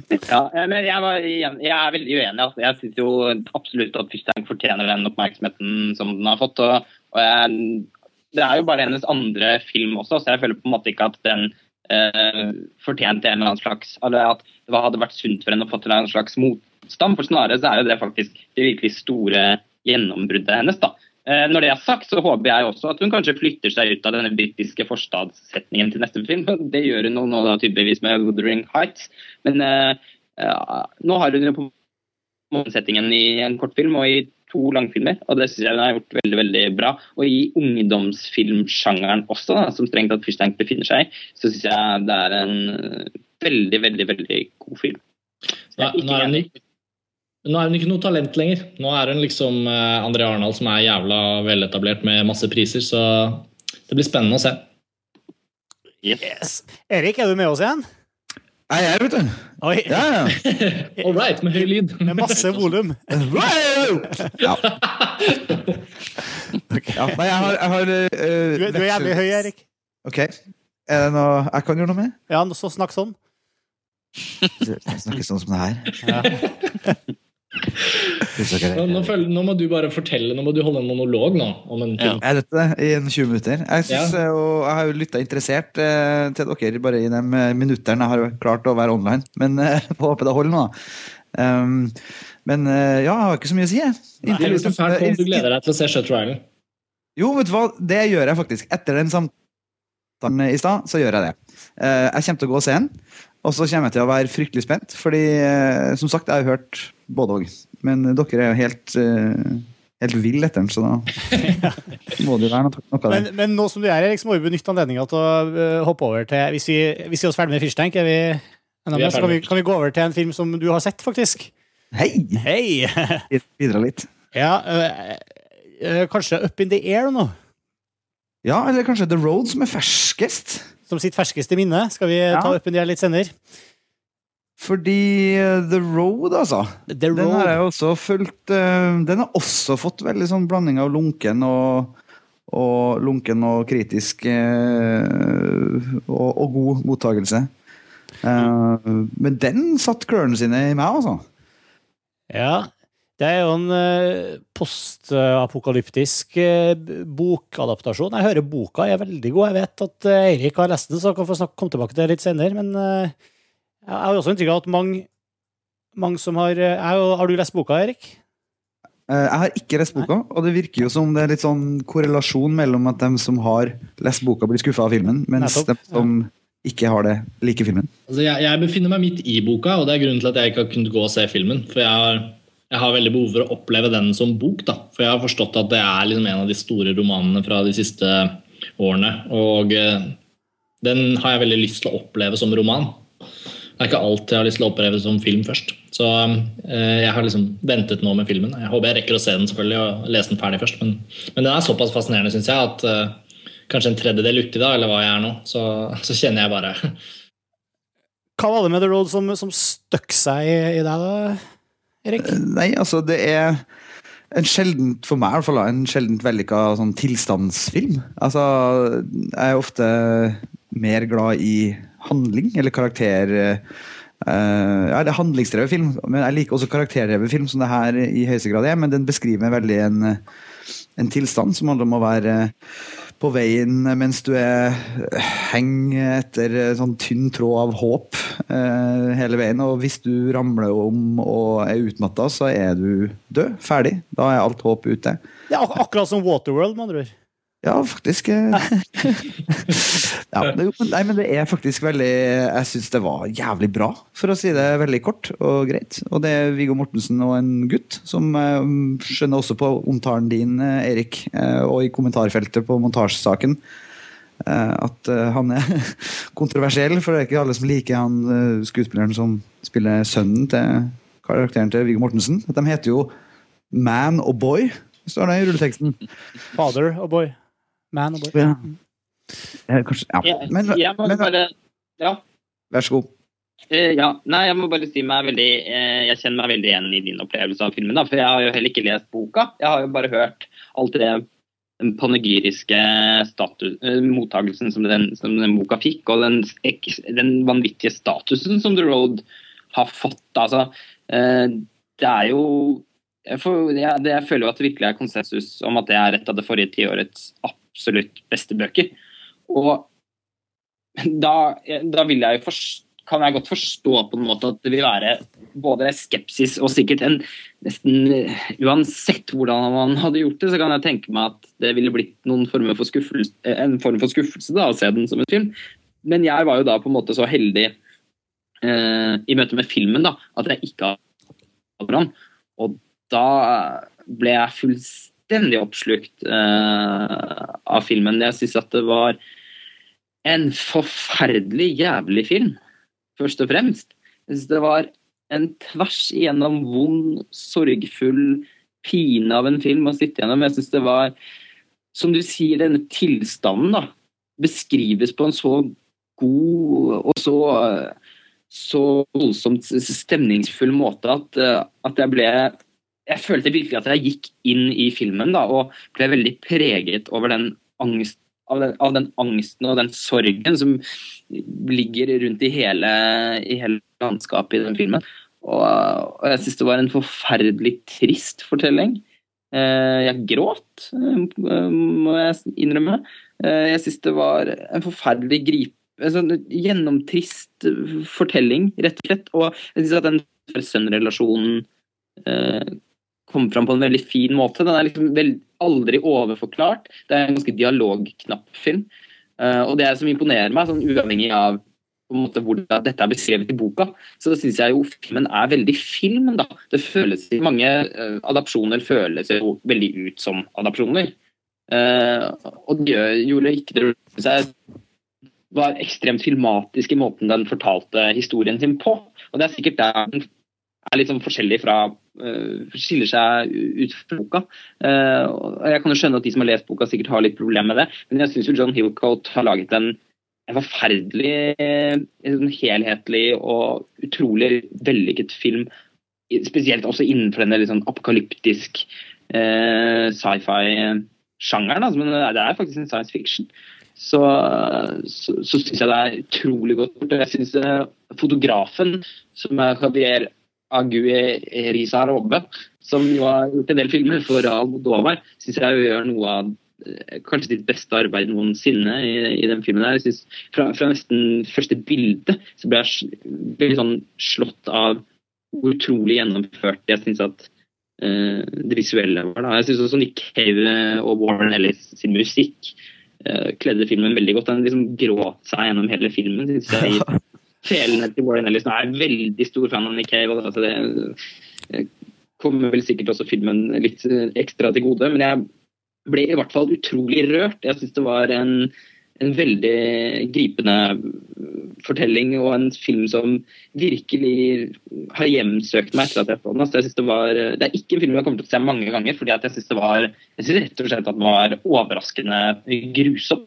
Den er jo så sinnssykt kjip, og den her tilstanden også, det er jo etter apokalypsen liksom, som, som har gjort i så mange filmer, men her er det så usannsynlig dystert at Altså, jeg vet ikke hva apokalypsen var engang, men jorda er liksom helt Helt uh, du, Det slipper nesten ikke sollys til, og alt er bare grått og fargeløst. Og mennes, de få menneskene som er igjen, uh, som er, igjen er liksom De aller fleste dem er reduserte pakkdyr. liksom det her det er ulver som eh, opptrår i flokk og spiser hverandre og voldtar hverandre. Liksom det, og det er, så, det er så kjipt og nedtrykkende, det her, at og, og, selv om det er liksom flere veldig spennende scener i filmen, så er det nesten ikke underholdning engang. Det er så, det er så trist og jævlig. Det, det, er utrolig fengslende. Og så tror jeg også at den der håpløsheten og den der monotone, trykkende, vemmel, altså vemmende stemninga, den blir jo heldigvis også kontrastert med at du får se noen tilbakeblikk, som jeg forstår ikke er i boka, men som er i filmen, som viser hvordan ting var før. Da får du farge, da får du liv. Ja, det, det, det var svart, det var da Erik som skrev det i eh, teksten sin, at uh, uten de scenene så ville filmen sikkert vært helt usebar. Ja, men det er helt enig med Erik i, fordi det er det som gjør det, det, det som gjør det til en smart filmatisering, uten å ha lest boka. Så i hvert fall så den, den spiller på Altså, det hadde vært helt for Altså, hadde, man hadde falt av tror jeg. Hvis man, man, blir så understimulert på å se farger og liv når man ser det ene døde treet etter det andre krasje i bakken. Og, og, det er grått, og det er brunt, og det er svart og jævlig. Men, men, men samtidig men du sier at det ikke er underholdning. Altså, jeg, jeg ble jo helt fengsla av det, og sugd inn i det. Ja. Så det er underholdning på et jeg er enig med Martin. Altså. Jeg, jeg, fant heller ikke dette veldig som underholdning. Jeg ble fullstendig grepet av alt sammen, men jeg syns det var Eh, en pine å sitte gjennom. Altså. Jeg synes det var uh... Selv om det er et, i et Mad Max-univers, så er det ikke Mad Max, for å si det sånn. Nei, altså det var som å komme til helvete, syns jeg. Og traske rundt i helvete i to timer. Og det var en opplevelse jeg ikke kommer til å ha ønske å ha veldig mange ganger til. En forferdelig film, men fryktelig god.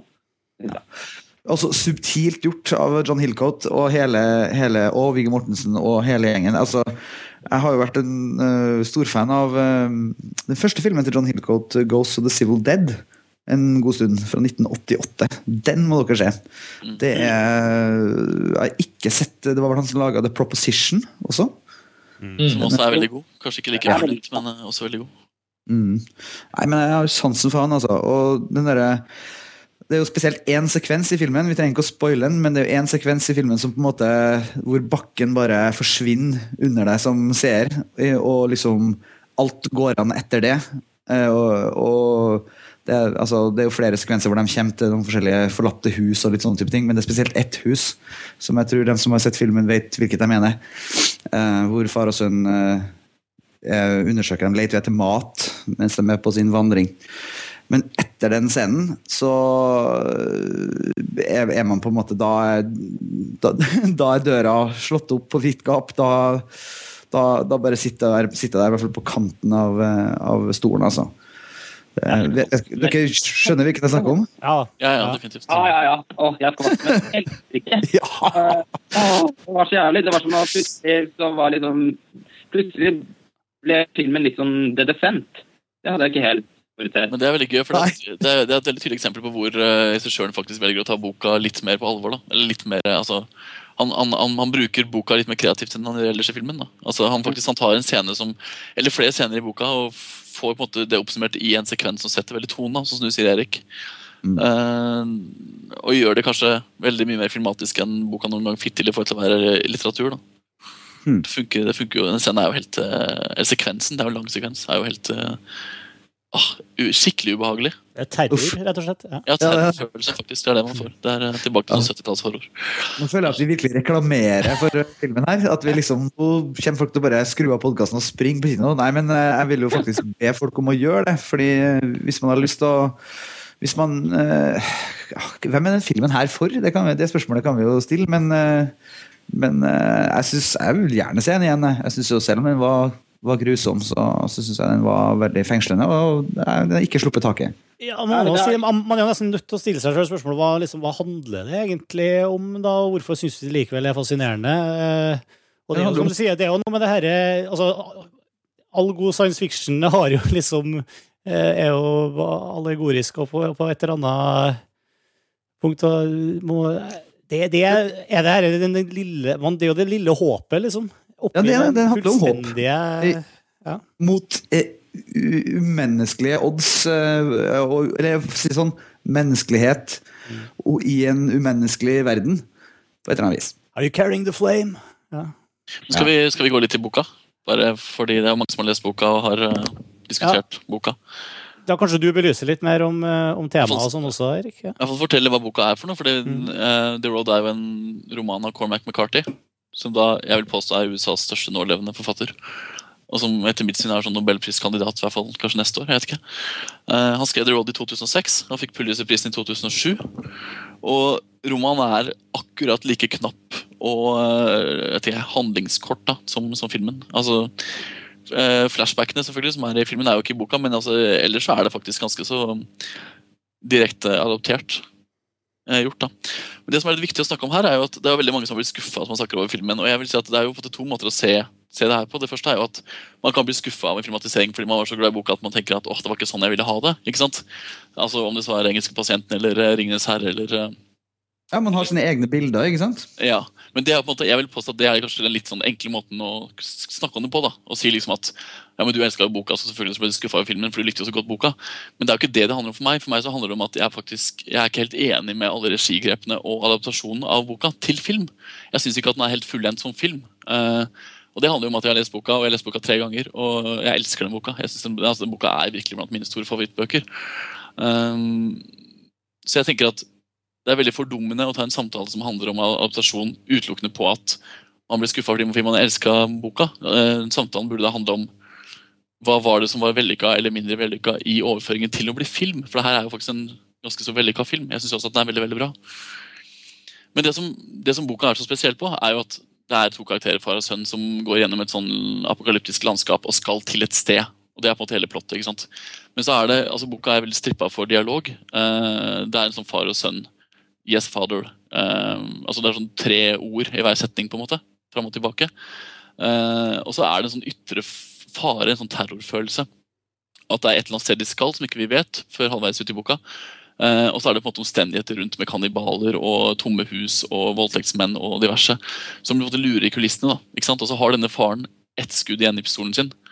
Uh, det får vi vite veldig tidlig, så det er ikke noen spoiler, men han har ett skudd igjen i pistolen, og det vil han da selvfølgelig bruke til å ja, det kan vi ikke snakke om senere. Men poenget er at Boka er veldig veldig enkel, men fordi den er så bra fordi den så til de grader rendyrker eh, relasjonsdramaet far og sønn. Og de enkle, de der litt sånn thriller-elementene som er da, med denne pistolen og med kannibalene og med de ytre terrorkreftene. Det som er så utrolig rart, det er jo faktisk at John Hillcott har fått til å lykkes han har lykkes med å overføre det til, til film. Fordi Jeg hadde ikke trodd han skulle få til å overføre terrorfølelsen da, til film. Fordi den, den, skjer veldig mye i hodet når du leser boka, men på film så tenkte jeg kanskje at okay, det her kommer til å bli flatt. da, og Det kommer til å bli veldig sånn postapokalypse og, og um, store bilder. da. Men så greier han å holde det veldig intimt. i hvert fall til en viss grad veldig intimt. Så du får jo faktisk den samme ubehagelige terrorfølelsen som du har i romanen. og det er jo, jeg vil påstå at Det fremste med filmen er jo nettopp denne terrorfrykten. da, Som gjør at den faktisk ikke er underholdende, men at den blir veldig fengslende, da, som du sier, Erik. Mm. Uh, at du, du, knytter veldig mange følelser til, uh, til filmen. Men det som ikke jeg liker med filmen, det er jo at jeg syns ikke at den er visuelt uh, helt vellykka. Og, uh, og, da snakker jeg ikke om de nærbildene av, uh, som er helt nydelige av fotografen. Jeg snakker om de store CGI-bildene, på en måte, altså hvor vi ser at verden har gått til helvete. De syns ikke jeg er vellykka, for de blir altfor De skiller seg så ut da, i forhold til resten av av filmen. Uh, og da foreslår det å adoptere det fra romanen, hvor i romanen så er det på en måte gjort ganske likt. Uh, og det er store bilder, og det beskrives stort da, i romanen også, men veldig fra blikket til denne gutten og fra, fra, faren. I filmen så blir det litt sånn Vi går veldig ofte ut, ut på en måte, og tillater oss å bare se det helt totalt utenfra. Jeg skulle ønske at han hadde holdt seg i de subjektive bildene. At han hadde holdt seg internt mellom far og sønn. Og at vi kunne mm. få se verden utelukkende fra deres hold. da.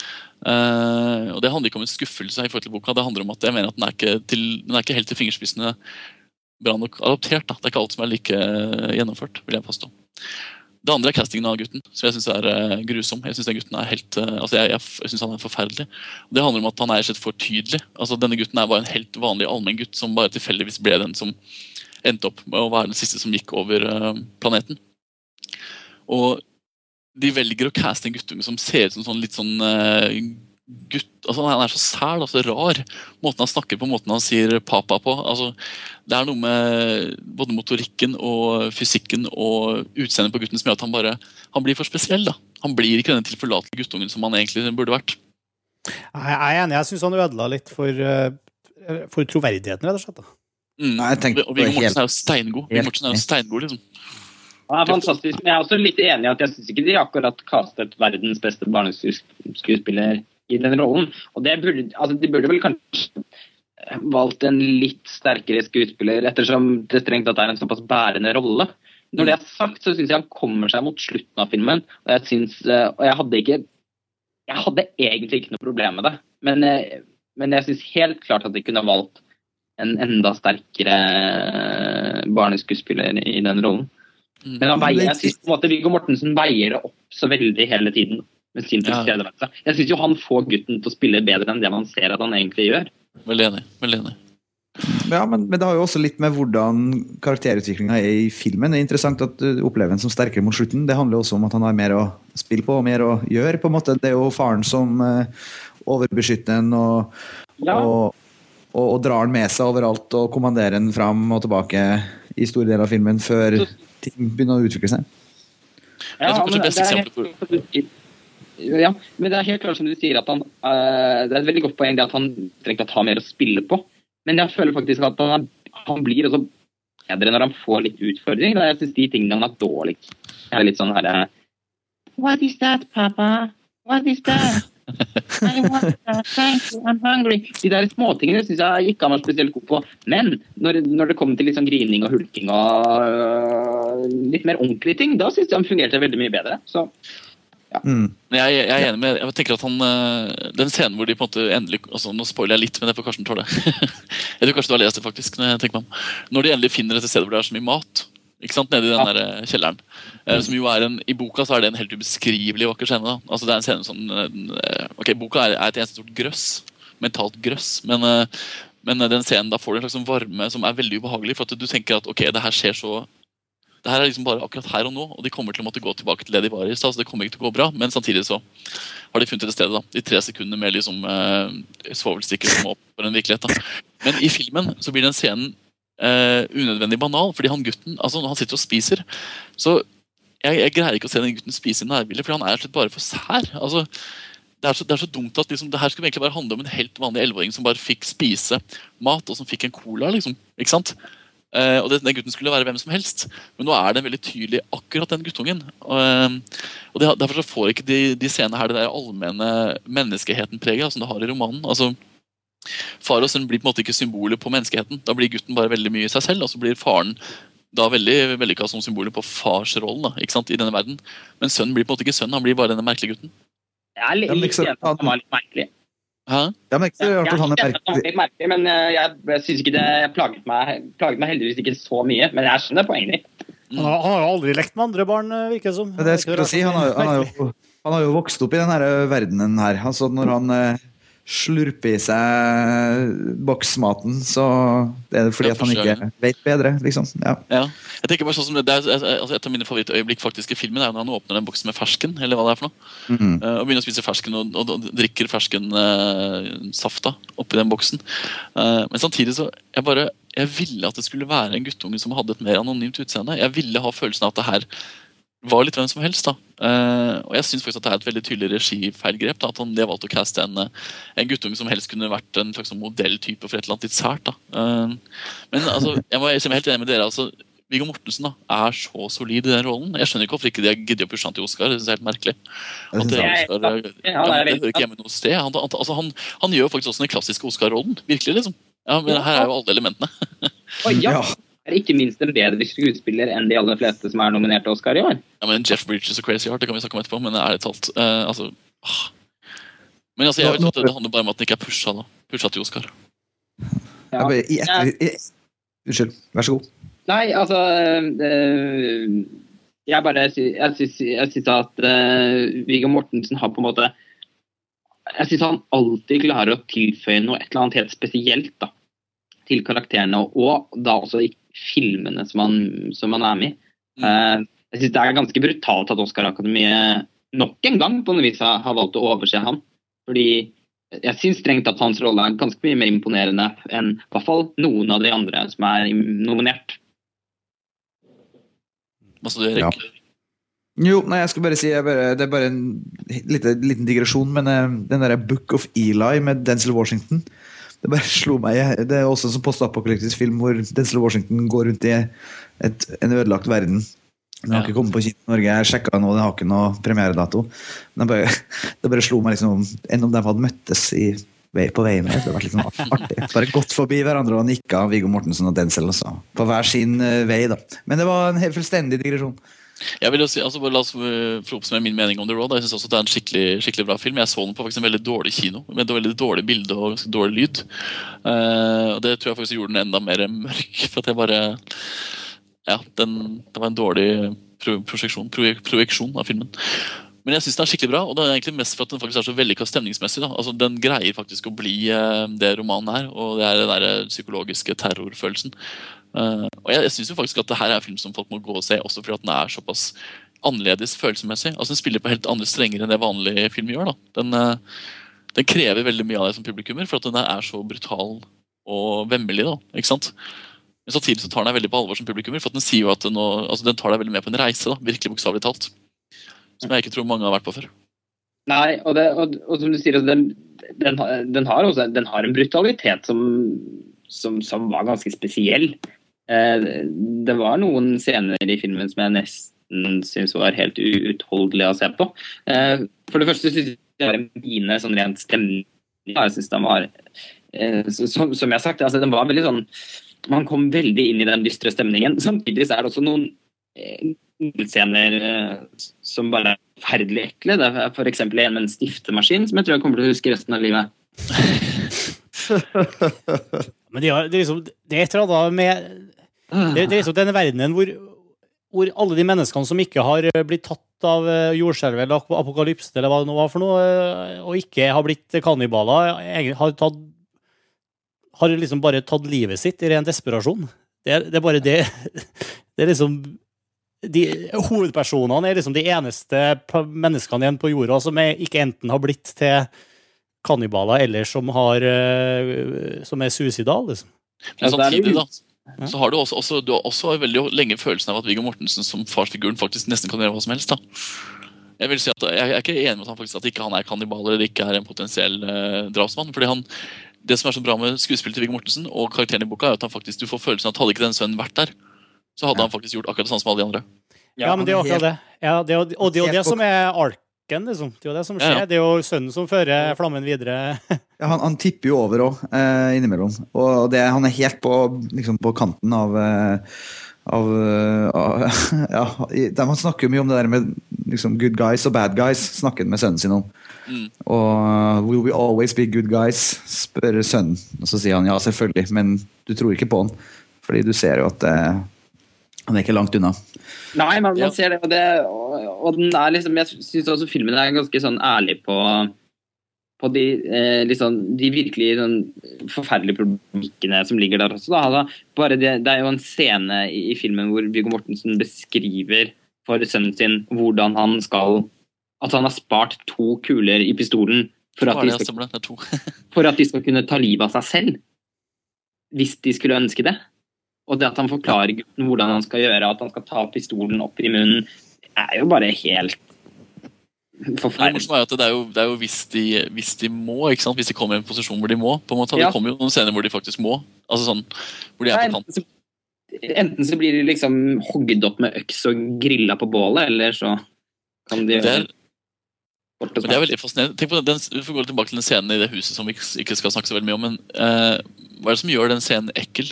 Fordi I romanen så er det jo det at du får beskrevet hvordan det på en måte ser ut der. ikke sant? Og jeg vil si at Det som er så vellykka som film, det er jo den produksjonsdesignbruken i det huset. Og ikke minst hva som faktisk finnes ute, ute på plassen, gårdsplassen foran huset. Uh, at du, på en måte, du får lov til å flette sammen hele historien selv da, som publikummer. Hva som de faktisk, de menneskene som da mm. er i det huset, er kapable til å gjøre med det som finnes av utstyr. ikke sant? Uh, og spesielt selvfølgelig ja. når du går ned i kjelleren. og bla bla bla. Men summa summarum, det handler egentlig bare om at filmen tar veldig filmatiske grep da, i de scenene. Den er ikke en adaptasjon som skal på en måte altså den, den, den, er film, da, og det er så deilig. Og The Road er jo kanskje ikke det mest krevende handlingsmessig å adoptere. for at Handlingen er veldig enkel. Det handler mer om å få skuespillet til å fungere. Men de visuelle elementene i romanen er jo veldig veldig store. Og det føler jeg at det har de fått til nesten helt ut, da, bortsett fra de animerte scenene.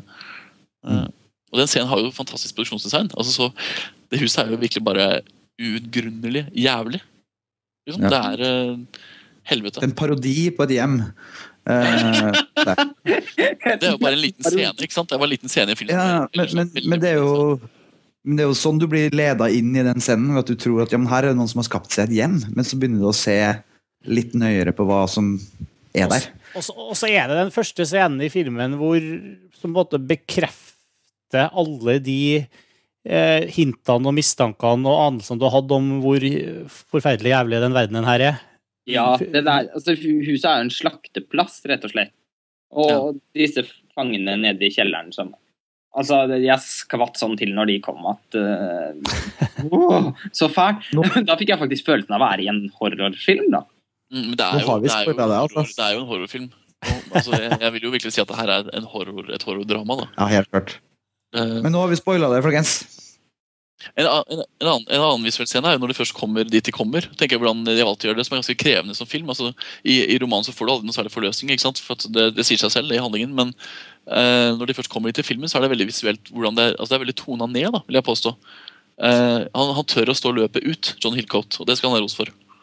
Mm. Han tør å gjennomføre tonen hele veien. da. Mm.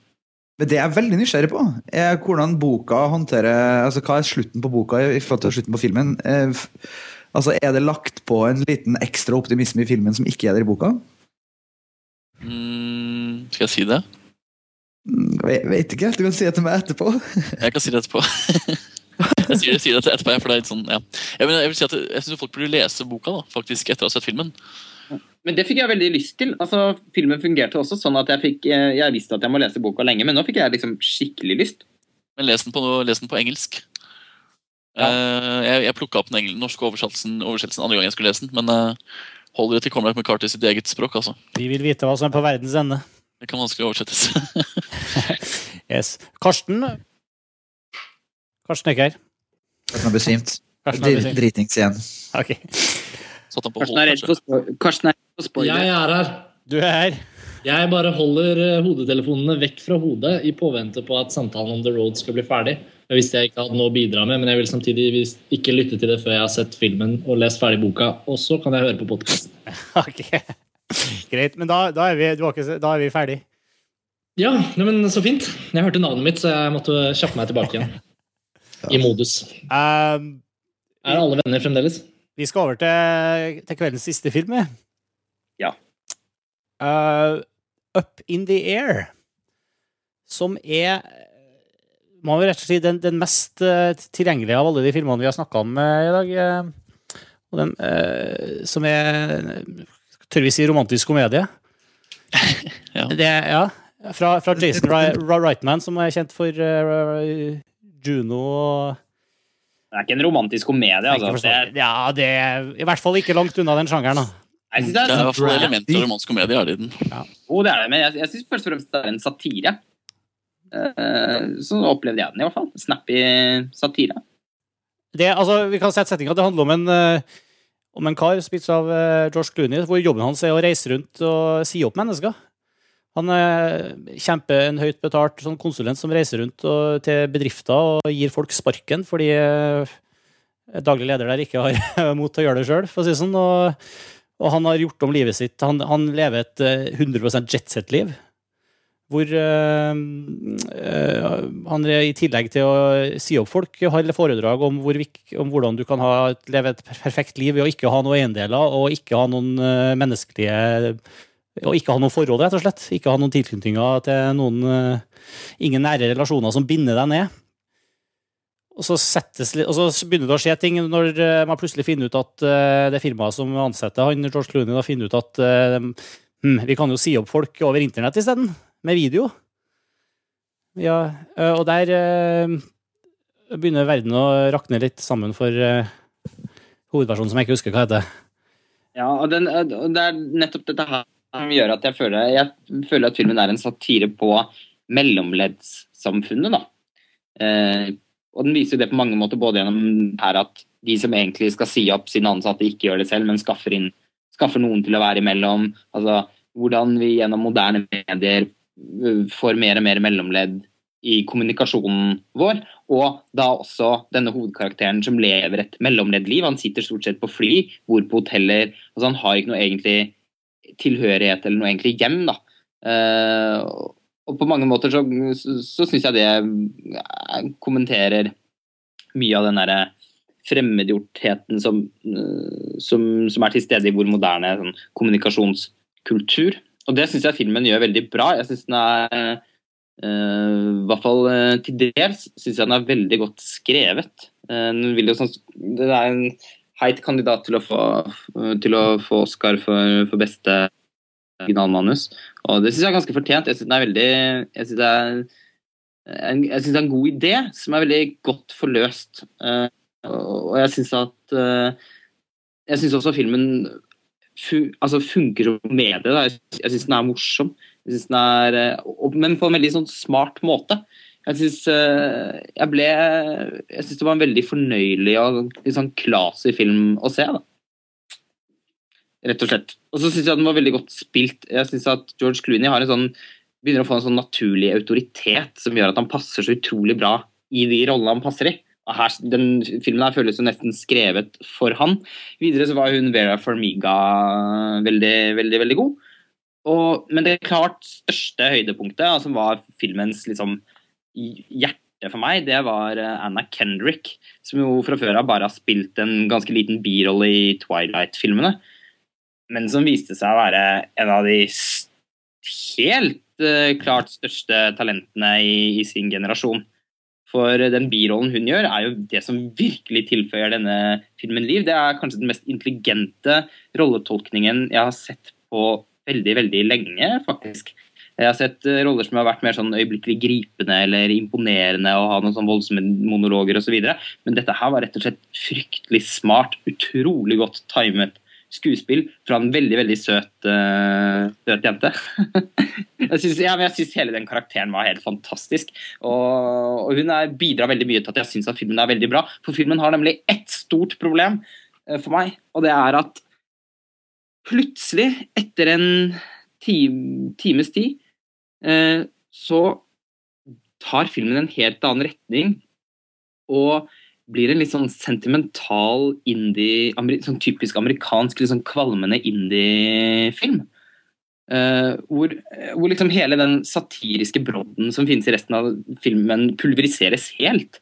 Og plutselig så er det en 20 minutters sekvens med Elliot Smith-sanger på soundtracket og noe litt sånn derre småklissete dramapiss som ikke funker i det hele tatt, og som, uff, og som til at, ja. at, at, at, dette er en regissør som, som stammer fra, eh, fra, en sånn litt sånn middelmådig amerikansk indiefilmtradisjon. Og det er dessverre en litt sånn stygg skjønnhetsfeil i det som ellers for meg faktisk ville vært perfekt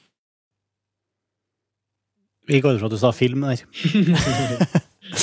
du, ja, Lars Ole går, virker som går inn og ut av sånn varierende grader av bitrate. Noen ganger så er stemmen krystallklar, og andre ganger så Kan ta opp tråden og si at jeg er langt på vei enig med deg, Lars Ole. At uh, altså, du, får, du, du, blir, du, du blir presentert for en satire. Du gjør det i starten, men så får den den derre inderligheten den prøver på til slutt, som, som egentlig er litt sånn uh, inevitable, for å bruke et godt norsk ord. Altså At karakteren må forandre seg og må forstå at han lever et tomt liv. og sånne type ting. Det, det føles veldig sånn uh, Det er veldig forutsigbart. Ja. men jeg er enig i det, altså. Jeg syns filmen hadde vært eh, så mye mer gjennomført og eh, imponerende synes jeg, hvis den hadde turt å ikke ha den delen der. Men Eller f.eks. turt å ha en hovedperson som det skjer noe med i løpet av filmen. Jeg er jo heller ikke helt enig i det du sier om hun Anna Kendrick. Jeg, da. jeg vet ikke om jeg at hun, at hun var det som bar filmen, på en måte, eller eh, gjorde eh, virkelig var den skuespillerprestasjonen som var Så jeg, Hva syns du da, Martin? Nei, jeg føler jo veldig at det her surfer på George Clooney, ja. Jeg vet ikke, var det, var det du som Det var noen en av dere som skrev også om den her scenen i lobbyen med hun Anna Kendrick, hvor hun bare brøst sammen i gråt. Jeg husker ikke hvem Kanskje Jeg tror både jeg og Lars Olav har skrevet det på Twitter. i hvert fall. Ja. Som Jeg vet ikke, jeg, som, som var en, en ganske tåpelig scene. Ja, men da, da, kommer det, da kommer det store spørsmål, da, Martin. Ja. Tenk deg George Clooney sin karakter og George Clooney sin skuespill uten Anna Kendrick og Vera Farmiga som motspillere. Jo, men bare ta, men, ta bort alt, alt det ja, men, får men det er bare så gjør sånn Jo, jo, men eh, det skulle vi da trekke fram hun som den, eh, den helt fantastiske superprestasjonen i den filmen her, liksom? Ja, altså jeg, jeg er veldig enig, men altså det handler ikke bare om hennes skuespill. Det handler også om at manus altså Jeg synes også det her er en veldig god film. da, å si det først Men jeg synes at hovedpoenget er jo at Anna Kendrick sin karakter som mange har sagt, er jo en eh, mannerolle gjort om til en kvinnerolle. Uh, snudd fullstendig på hodet, og det er velspilt. Altså Det er en veldig interessant karakter. da Fordi Hun, hun er veldig uvanlig i en sånn Hollywood-sjanger som denne filmen her er. At, altså, at det er kvinner som spiller den karakteren, er ganske merkelig. da Og når hun først gjør det, så gjør hun det veldig veldig bra. Eh, jeg synes hun er, altså, og Den scenen vi snakker om, jeg synes jeg er veldig veldig bra. Jeg synes Den er skikkelig fin, og den, den passer veldig bra inn i karakterutviklingen hennes. da, At det plutselig kommer et sånn brått utbrudd. Det hører veldig hjemme hos hennes litt merkelige fremtoning. og og Jeg, Jeg jeg synes hun er skikkelig, skikkelig bra. Ja, og jeg husker at den scenen altså den er på en måte, Først så kan den virke litt sånn karikert og merkelig, men den, jeg makter faktisk å bli rørt av den. Da Da følte jeg at jeg kom inn i henne. fordi hun fast, det er den ene, Da sprekker jo endelig fasaden hennes. Og det var, Jeg synes det var et utrolig fint øyeblikk. Det var et utrolig godt karakterøyeblikk mellom hun og George Clooney også, og Vera Farmiga, som står der som den litt mer sånn kvinnen med litt sånn mer erfaring og autoritet på Mm. siden, og, og kommer med noen sånn slags trøstende ord til denne veldig, veldig søte jenta som har fått en litt for tidlig karriere. Mm. Eh, fantastisk karakter og utrolig godt spilt. Jeg Jeg, vil, si at jeg vil faktisk trekke noen slags sånn linker mellom Tilda Swinton Michael Clayton-karakter, altså den rollen hun spiller der, og Anna Kendricks karakter i Up in the Air. Da. Altså begge to, kvinne, begge to karakterer som egentlig sannsynligvis ville vært spilt av menn, i hvert fall for, kanskje for ti år siden, da, i en sånn type film, men som er spilt av kvinner, og som begge to har fått veldig mye ros for de rollene. Um, tolkningen. Og der har jeg at de begge to bruker jo veldig Det er et veldig maskulint skuespill, da, vil jeg påstå. Både hos Anna Kendrick og Tilda Swinton. Ja. Hun fikk jo Oscar for den rollen. Det er veldig, altså det er veldig knapt og det er liksom litt lukka, og det er veldig lite følelser før da de to scenene begge to har. Altså Jeg har én scene hver hvor de har et utbrudd, og jeg syns begge scenene er superbra i begge filmene. Eh, Tilda Swinton er jo når hun faller sammen mot slutten av filmen. Og, ja. Men eh, bare, det, er det er ganske mye fellestrekk her. og jeg synes at Noe av det mest interessante med Up in the Air er jo at, faktisk at det er en ganske original film. da. Tross alt. Den har fått veldig mye tyn for å være litt kjedelig og, og ikke minst forutsigbar, sånn som vi snakka om med, med andre filmer. at den er litt sånn men altså, Jeg syns ikke at den er forutsigbar i det hele tatt. Jeg synes faktisk at Den er veldig original, den er veldig underholdende, den er veldig velspilt, veldig regissert. Eh, og så er den jo selvfølgelig så utrolig visuelt classy. Altså den er så Det er en veldig deilig film. da En veldig deilig opplevelse. veldig veldig enig med deg, Erik. Jeg, synes, jeg, skjønner, jeg har heller ikke skjønt at den ikke er, at den er uoriginal. Jeg syns snarere det er en veldig original og morsom idé. Mm. Eh, altså jeg synes jo hele En film som handler opp en som sier opp mennesker, altså det, er jo, det, det har jeg ikke sett før. Det synes jeg, jeg, jeg synes at den var føltes også forfriskende på mange måter, da, bortsett fra den ene delen i filmen uh, som jeg ikke er så begeistret for. Men jeg, jevnt over ut, utrolig underholdende og, og fornøyelig velskrevet. Veldig gjennomført. Uh, veldig godt klippet også, syns jeg. Jeg var veldig overrasket over at den ikke ble Oscar-nominert for beste klipp. Mm. Jeg syns ikke det er overraskende i det hele tatt. Bare for å kime inn, for jeg likte ikke denne filmen så innmari godt. Um, uh, og jeg pleier jo ikke å være en av de negative. Men uh, jeg, jeg syns uh, Up in the Air, ikke bare på, på klippingen, men den hadde liksom et sånt den hadde et problem med Fordi den legger an en veldig sånn typisk sånn narrativ utviklingshistoriefortelling. Klassisk amerikansk. Både litt satire, litt romantisk komedie, litt av alt. da. Den er liksom en sånn perfekt pakke, på en måte. eh, som, eh, som da, da må den på en måte også takle at man har litt forventninger til akkurat det. da. Og jeg synes kanskje det som var mest skuffende med, med filmen, var eh, ja, kanskje George Clooneys karakter, men også hvordan, hvordan filmens liksom uh, Hele opplegget som settes opp, da, hele, hele refleksjonen rundt eh, den jobben han har, uh, som blir vevet inn i forholdet han har til andre mennesker. Altså, liksom, han, hans jobb er å sparke folk, og han har ingen mennesker nært på seg, verken familie eller folk han møter. Uh, han får på en måte sparken av Vera Farmiga da, i overført betydning. Og man skulle da tenke at fra det punktet så, så skulle filmen fortelle oss noe som skaper refleksjon rundt alt det den har handlet om hele veien. Da. Mens når filmen er slutt, fordi den ikke handler om Anna Kendricks karakter, som jeg er helt enig i at den er åpenbart den mest spennende figuren, så følger den ikke hennes tråd, men så går den tilbake til George Clooney, som da egentlig aldri Eller egentlig ikke har endt opp med å oppleve noen ting da, i løpet av hele filmen som han tar inn over seg. Så ser det til at han på en måte bare legger ut på den samme reisen igjen. Men jeg er ikke enig. Da, da vil jeg faktisk påstå at da, da stapper du in inn i et veldig formalistisk manusspråk. Altså. Da, da, du, da vil du ha Up in the Air inn i en veldig generell og konvensjonell manusteknikk. Men, men det er sånn da, den da, vil ha, da vil du ha en veldig enkel film. da. Nei, Det er det det ikke er, vil jeg påstå. Altså, Jeg synes absolutt den var det. synes, hadde, hadde filmen vært sånn som du sier, så hadde jeg kommet til å synes at den var veldig uoriginal. og veldig sånn, ok, Nå har de fulgt en eller annen manus-teknisk håndbok, og så har de bare fullført løpet til karakterene som var interessant å fullføre. Det som er gøy, er at faktisk, George Clooney lærer jo ganske mye i løpet av filmen. altså Han går gjennom en utvikling. Selv om han, han går tilbake til det han gjorde opprinnelig, så er det en helt annen holdning til det han har drevet med. Og deri ligger formelen, da mener jeg at det lukter jeg med én gang. At eh, her har vi en eh, overfladisk kjekkas som skal, som skal lære et og annet om livet. Um, det, er liksom, det ligger der fra, fra, fra start av, syns jeg. Men når, når det er sagt, jeg syns også helhetlig at den er både solid og smart, men, men jeg merker at jeg ikke kommer til å snakke om den om et år, eller om to år. Eller på neste montasje, tiårsoppsummering.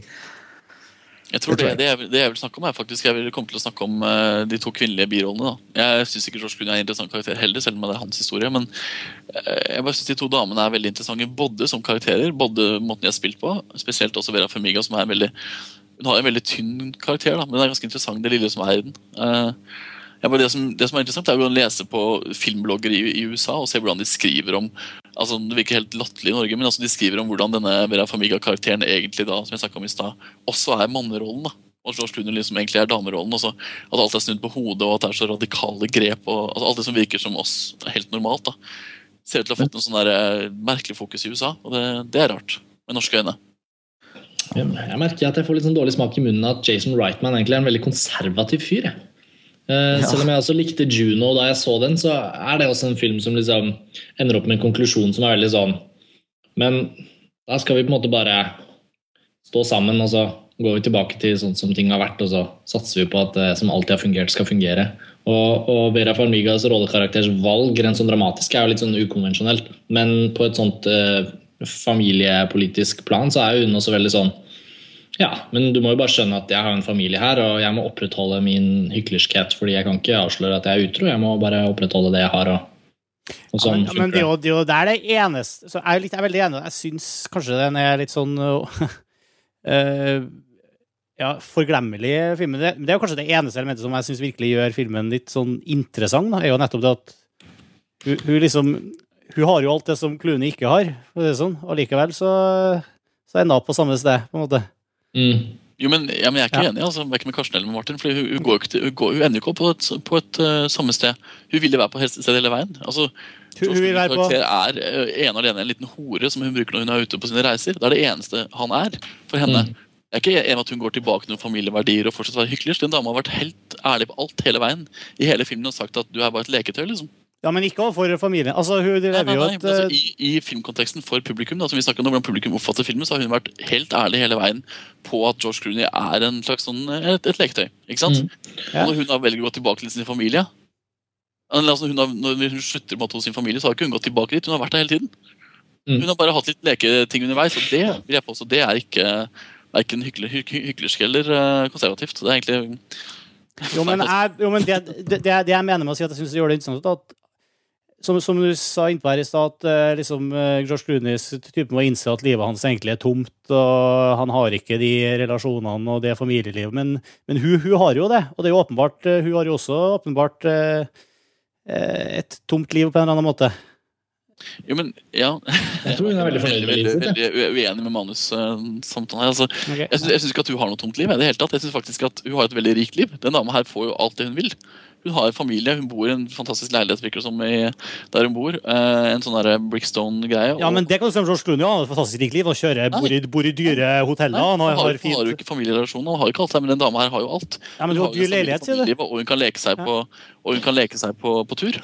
Men det er kanskje der jeg mener at jeg syns Wrightman er så konservativ. Han er så utrolig, Det er ikke det at noe galt med familie, eller noen ting, men, men han, og nå mener jeg ikke manusmessig denne filmen, jeg mener innholdsmessig på et en sånn der etisk, innholdsmessig plan. Så, så er han veldig sånn han, han er liksom blitt en forkjemper for egentlig veldig sånn konservative verdier. Jeg synes ikke det er noe, jeg prøver ikke å si at det er galt eller rett, jeg bare syns det gjør han til litt mindre spennende filmskaper. Da. Fordi jeg syns eh, det han forteller om, er veldig sånn utrolig uh, gammeldagse kjerneverdier, som egentlig er veldig fint sikkert når det fungerer, men uh, jeg syns på en måte det at hun Ja.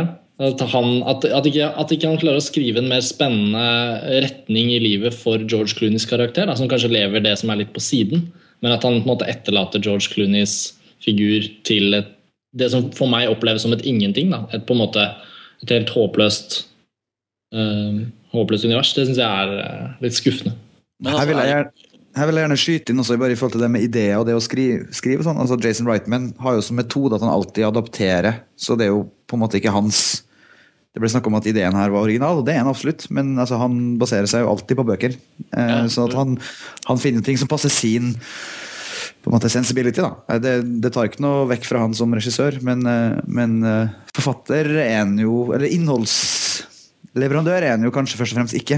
Nei, nei. Altså, Juno var et originalmanus, men det var ikke han som har skrevet. Men, eh, men uh, altså Jason Reitman i det offentlige er veldig konservativ. Det har vi sikkert fått med oss alle sammen. Han, er, han, har en del merkelige verdier og kommet med en del merkelige utsagn. Både om Up in the Air og generelt om hva han mener om verdier. da. Ikke sant?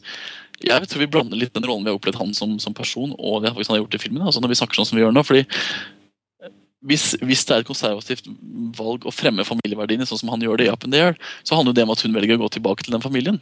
At en kvinne velger å gå tilbake til sin familie, er et konservativt valg. Men hun gjør jo ikke det. Hun er der hele tiden. har jo aldri gått fra den. Nei, nettopp. Det er det jeg sier. Og det er, det er jo ikke da konservativt. Det handler bare om en dame som bare spiller på alle strenger. liksom. Ja, men der syns jeg at han mener at det der, jeg føler kanskje at det ligger Han prøver å si at, eh, altså, at, det kan ligge en slags tomhet der også, da, som gjør at uh, hun faktisk eh, er, er, utro og som du sier, oppfører seg på måten hun gjør når hun er ute i det samme livet som, som George Clooney-typen er. da. Jo, men Om det er en tomhet, er noe helt annet. Det er helt enig med Det er garantert en tomhet både hos Kendrick og Clooney og Famiga. Det merker vi jo. Men altså, de konservative grepene i Up in the Air er ikke jeg enig med. for det, det, er, det, er, det er noen sånne familieverdier som ligger og hviler over Up in the Air. ikke sant? Som vi er enige om. Men akkurat hos henne så er hun veldig krystallklar. og det er det interessante med at Hun er så krystallklar på at han er bare noe hun møter når hun er ute og reiser. Han tilhører et univers som er på siden av det universet hun da egentlig er en del av. da. Eh, litt sånn der eskapisme-univers. og Det er jo selvfølgelig et tegn på at hun kanskje har det kjipt og at ting ikke er helt bra med ektemannen osv. Men det synes jeg er ganske interessant da, at de to kvinnelige karakterene har en del sånne sider som veldig mange kvinneroller dessverre ikke har. Jeg vil jo si at Hele dette eskapisme-universet det var en god beskrivelse av det. Det gjelder for alle tre karakterene. Altså, de har på en måte valgt liv som hele tiden handler om å flykte fra og hoppe på noe annet. Og så kommer de tilbake. De, et av de øyene som de har hoppet, hoppet, på en eller annen gang tidligere, kan de gjerne hoppe på igjen, men de vet også at de kan på en måte stikke derfra så fort det blir noe, noe som helst problem. De lever jo på en måte et veldig ansvarsløst liv. da Eh, på tross av at de har et veldig ansvar i forhold til jobben de gjør, så har de ja, emosjonell eh, Og jeg, jeg syns den tematikken er veldig fin. Jeg syns den er veldig godt fortalt. og Man kan jo også si at altså, en sånn film som Juno det er, på en måte, den er veldig lett et offer for en slags motbølge fordi at den fikk seg ekstremt mye status og Oscar-nominasjoner og i det hele tatt. Men, og jeg må jo også si at Juno spør ikke som en sånn stor film for meg. Men det er jo også en veldig godt spilt, veldig godt fortalt, godt skrevet film. Det er en veldig god film. Jeg syns jo Jason Reitman eh, på en måte han er kanskje ikke grenseløst eh, spennende, men jeg syns han, han, er veldig god på å levere eh, litt sånn Veldig sånn godt gjennomførte publikumsfilmer. Jeg føler Jason Reitman er på vei til å bli den nye Ron Howard. Jeg syns det, det, er veldig kjipt at jeg synes jo eh, både Up in the Air og, og Juno var liksom sånne fine, fullendte, liksom hyggelige filmer, men som kanskje fikk veldig mye oppmerksomhet. da. Samme Up in the Air. altså jeg, jeg, skulle gjerne bare sett at Up in the Air ble en film som jeg synes var uh, fin å se på kino. Jeg koste meg, det var hyggelig, på en måte, men at den liksom deretter ble bare det. da. Når den nå får seks Oscar-nominasjoner, så blir det litt sånn der, oh, ok. Altså, Han har blitt for stor, da. Denne Rateman. Jeg syns ja, han fortjener så mye oppmerksomhet. Nei, jeg tror det er på en måte til filmenes eh, verste, på en måte. da. Fordi da blir de målt opp uh, mot, mot, noen krav som jeg føler at de ikke helt kan klare å oppfylle. Nå synes Jeg nok, jeg, jeg må riktignok si at jeg syns det er helt ok at Up in the Air har fått en Oscar-nominasjon for beste film. Jeg synes det er svakere filmer på den lista enn den. Uh, så, så jeg, jeg, jeg, og manus- og skuespillernominasjoner syns jeg er helt på sin plass. Men den reginominasjonen kan man kanskje diskutere litt. Uh, der er det vel andre som, som utmerker langt mer enn det Wrightman gjør. Ja. Yes, uh, Vi skal begynne å, å runde av etter, etter Up in der. Uh, vi må innom konkurransen vår, som vanlig. Uh, det er jo sånn at Vi pleier å spille et videoklipp, og så er det opp til dere som hører på, å gjette hvilken film klippet er fra. Og forrige uke, eller forrige episode, så spilte vi det klippet her. Hør etter. And now comes the part where I relieve you, the little people, of the burden of your failed and useless lives. But as my plastic surgeon always said, if you gotta go, go with a smile. Det klippet var selvfølgelig fra Batman 1989, regi Tim Burton, med Michael Keaton, Jack Nicholson og Kim Basinger i hovedrollene. Mange gjetta riktig her, eh, blant annet ukas vinner, Tone Tolo. Eh, gratulerer, Tone. En uh, montasje-T-skjorte er på vei til deg i posten. Og vi har en ny konkurranse i den gangen her. Så da er det bare å spisse ørene og høre om dere drar kjensel på hvilken film det klippet her er fra. You know,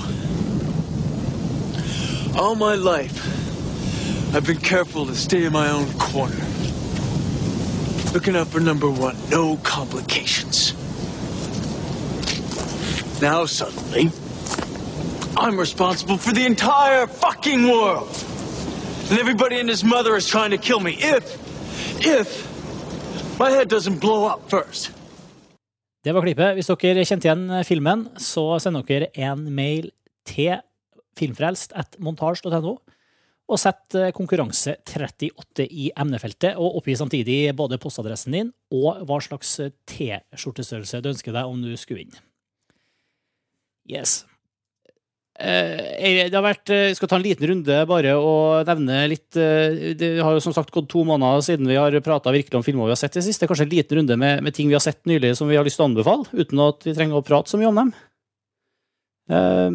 Erik? Jeg kan, jeg kan, egentlig bare si jeg så 90 sekunder med noe som jeg gjerne vil dele med verden. Mm. Som eh, er i en sjanger jeg overhodet ikke liker, eh, men som var bare en fantastisk teaser.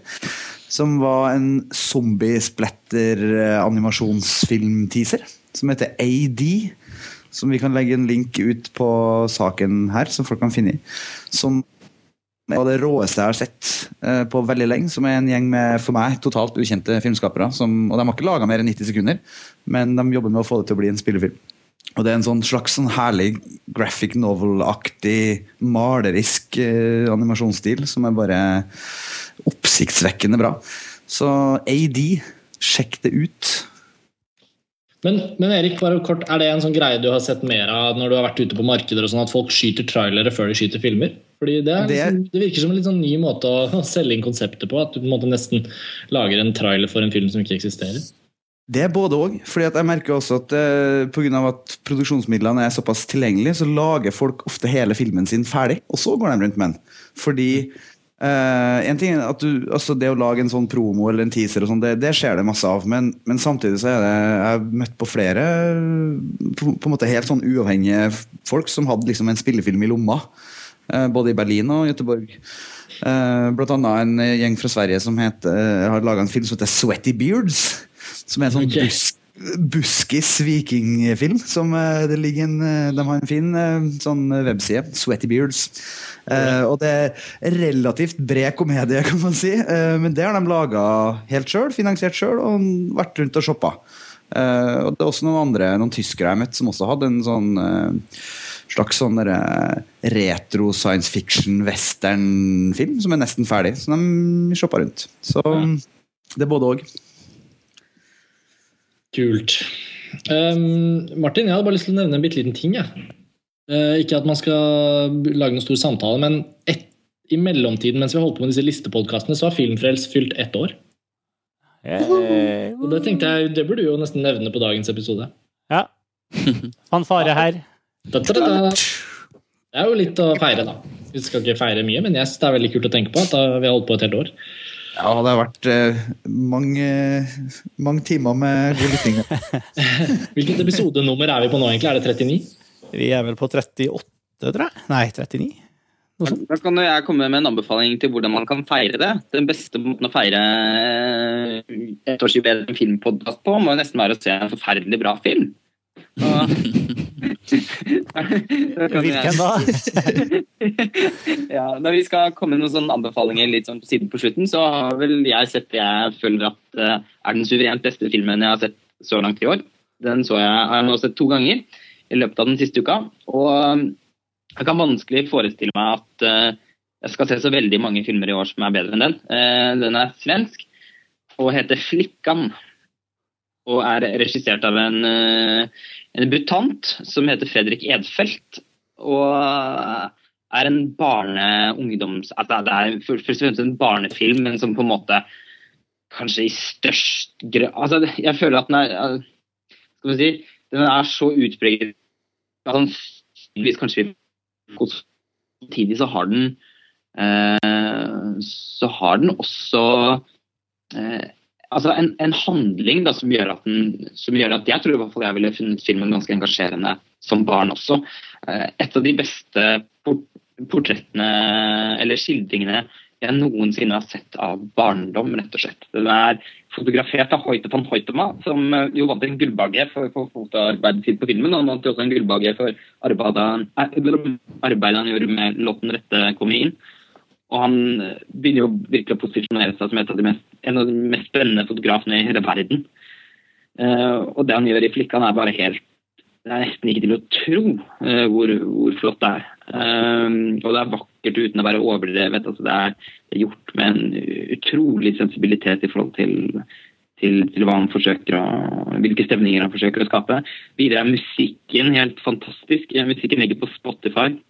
Hvis man søker på 'Flikkan' eller 'The Girl', så ligger det et veldig flott soundtrack der av et amerikansk band som heter The Broadway Project. Sånn syntaktig musikk. Det er jeg også veldig svak for.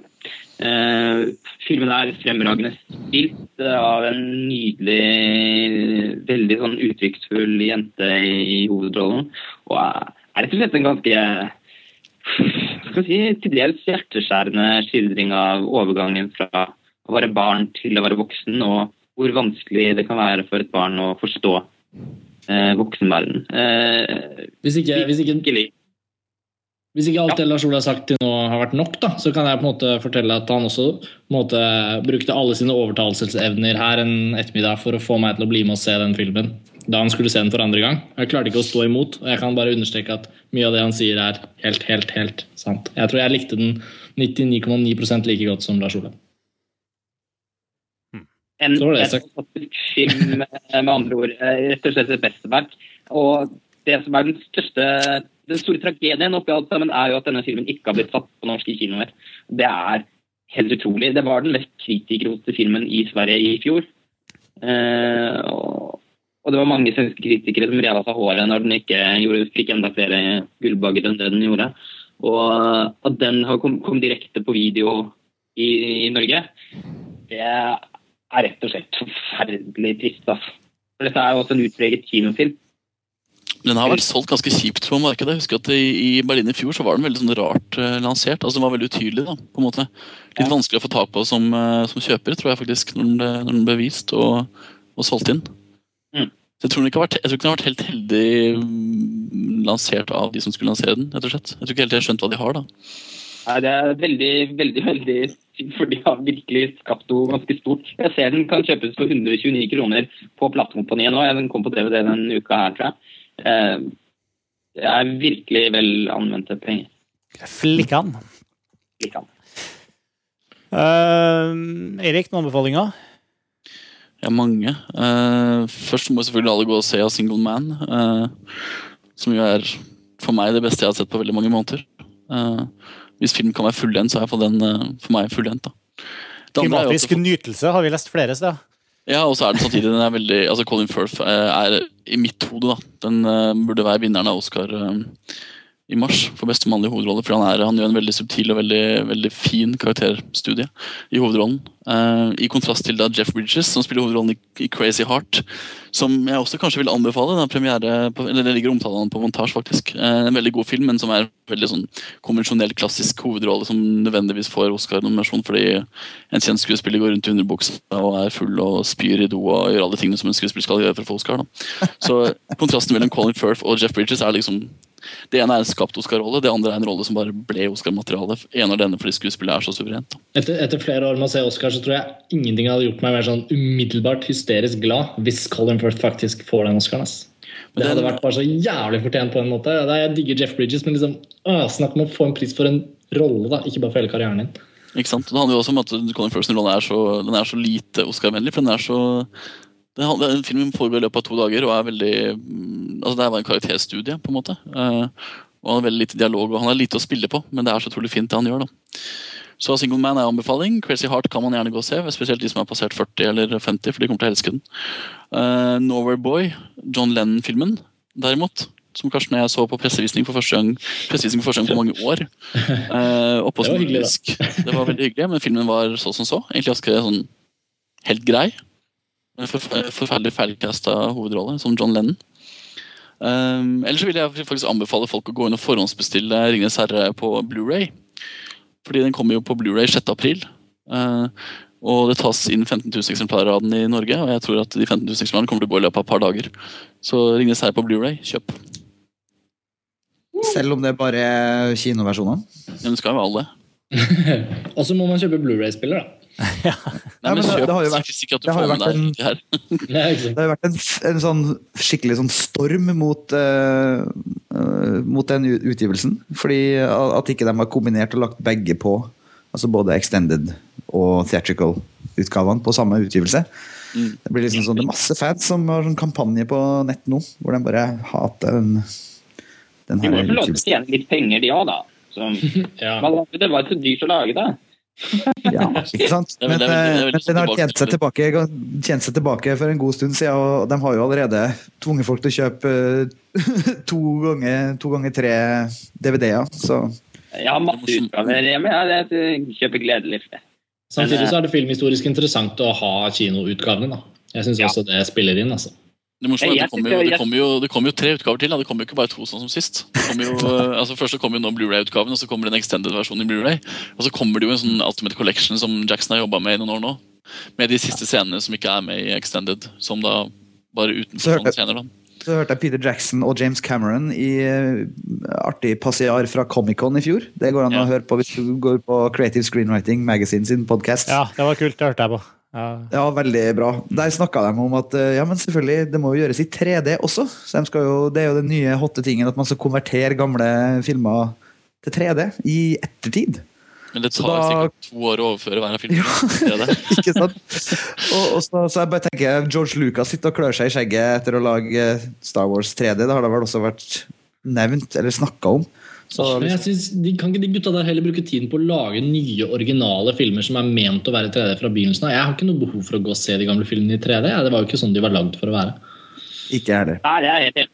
Jeg syns heller ikke er så fryktelig spennende. Hvis du kan bruke tiden sin på noe mer eh. ja, Jackson kan begynne på Tintin nummer to, mens Spielberg jobber med eneren. Og så kan George Lucas ja, Han driter jeg i, men uh, James Cameron kan jo lage flere Avatar-filmer. Det, det, har jeg appetitt på.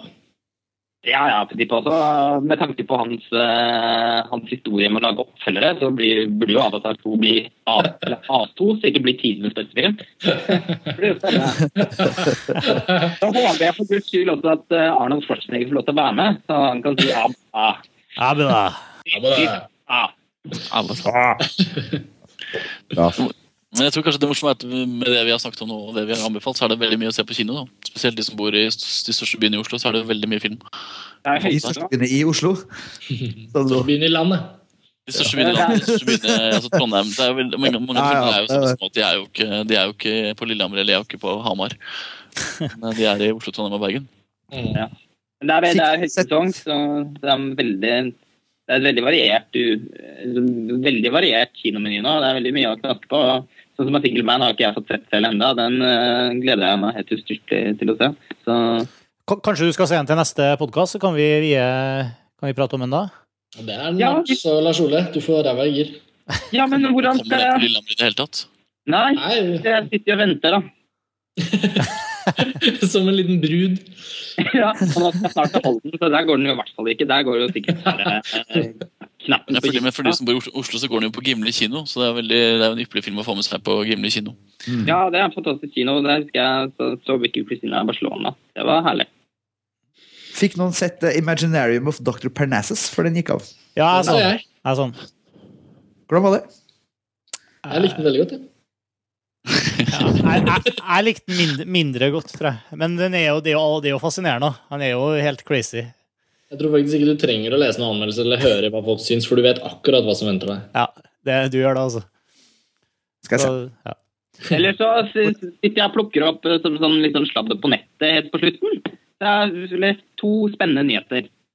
Og Den ene er at eh, Alice, Eveland, Alice i Eventyrland skal være helt jævlig. Uh, og det kom lekket ut noen rykter fra en del kritikervisninger sånn, som skriver at den er en uh, skandale. Oi. uh, ja, det virkelig. Altså, Jeffrey Wells har skrevet en lang sak med masse sitater fra, fra som har har skrevet om den, litt sånn hysj-hysj, da. Men uh, at den virkelig skal være forferdelig. Men vi, det er jo lov å håpe på det motsatte. Men Og det er eh, tross alt Jeffrey Wells som Ja, skal det skal sies at jeg har mer tiltro til Tim Burton enn til Jeffrey Wells. Ja, men altså, man skal ikke glemme det. Det, det skal også eller, altså, Perspektivet i saken er jo at Jeffrey Wells er forundret over dette. her, da, fordi det kommer faktisk fram at han liker Tim Burton. Oi. Så, Det var litt overraskende. Men jeg må jo si at Alice i Eventland er jo nødt til å bli jævlig. Altså, Jeg håper virkelig at den er litt jævlig. Jeg, jeg håper den Ja, er jeg skikkelig altfor jeg mye har av aldri alt. gledet meg så lite til en Tim Burton-film, i hvert fall. Jeg, åh, jeg synes den ser helt ufyselig ut. Jo, men Jeg ser veldig fram til at den er så ufyselig. Jeg håper at den er skikkelig at bare et uh, altfor mye og masete og slitsom og vondt i hodet. Og... Martin, hører du en fremtidig podkast her? Ja, ja. Jeg, jeg, jeg, Hvordan Team Burton blir jævligere og jævligere. Ja. Nei, altså, jeg, nei, han merker at jeg liksom nesten har vokst fra. Altså, jeg orker ikke det der øh, opplegget av alle fargene. Og Johnny Depp som en sånn hysterisk, idiotisk figur med en stor hatt og rødt hår. Og, å nei! Mareritt. Uh, Men- Forferdelig å si, fordi jeg er jo egentlig veldig Burton-time fra før av. Men kan ikke starte enda en ny diskusjon nå. Nei, vi kan ikke det. Men Men Lars Ole, Lars Ole ja, kan ikke du slutte med å anbefale 'Prinsessen og frosken'? da? kan ikke jeg slutte òg? Kan ikke, du, kan ikke du anbefale 'Prinsessen og frosken'? Jo, det kan jeg selvfølgelig gjøre. Den Disney har endelig begynt å lage ordentlig Disney-film igjen. Og det er veldig herlig. Og 'Prinsessa og frosken' er en kjempevellykket, fengende, godt fortalt, morsom og faktisk litt rørende Disney-film. Den beste selvfølgelig de har laget på mange år, for de har ikke laget noen på mange år. Men uh, man føler virkelig at Jeg syns den var et veldig fint startskudd for at de skal begynne å lage tradisjonell animasjonsfilm igjen. Jeg skulle veldig gjerne sett at Alan Menken hadde musikken istedenfor han litt trøttsomme Randy Newman.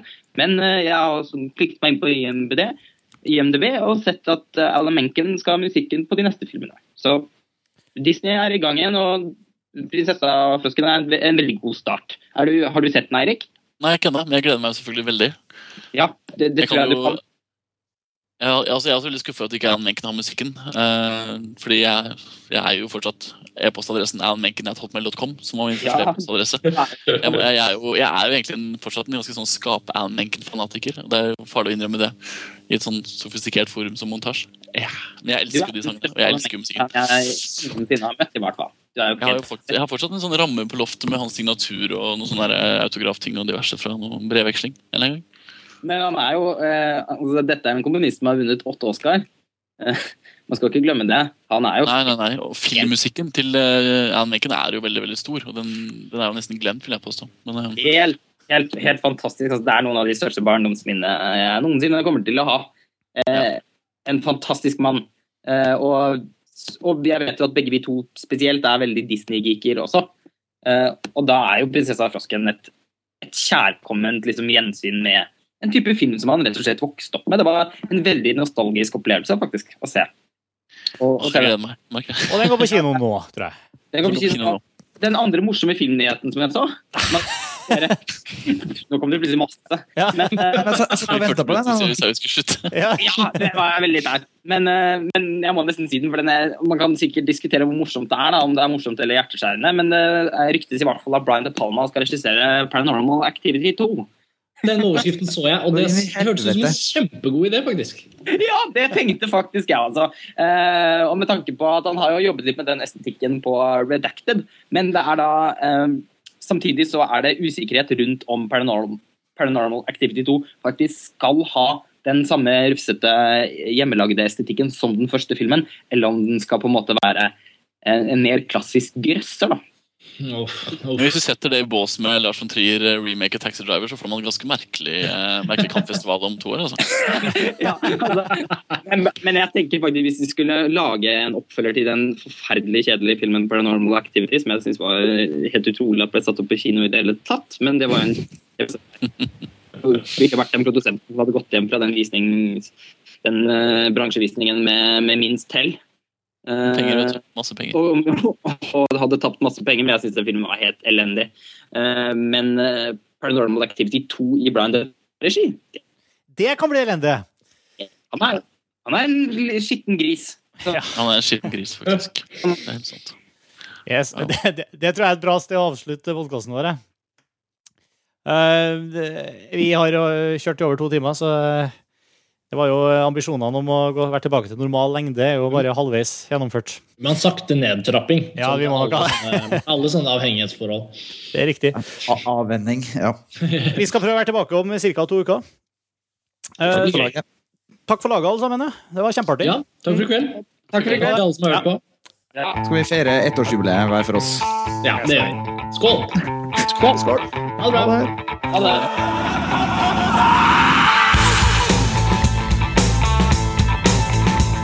Filmfrelst er en podkast fra det norske finnettstedet montasj.no. Du kan abonnere på Filmfrelst i iTunes, og du kan lese mer og delta i diskusjonene om hver enkelt episode på montasj.no slash filmfrelst.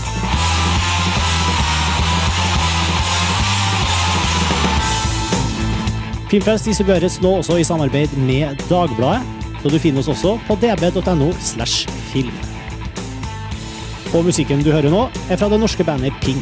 Hør mer på thepinkpage.com.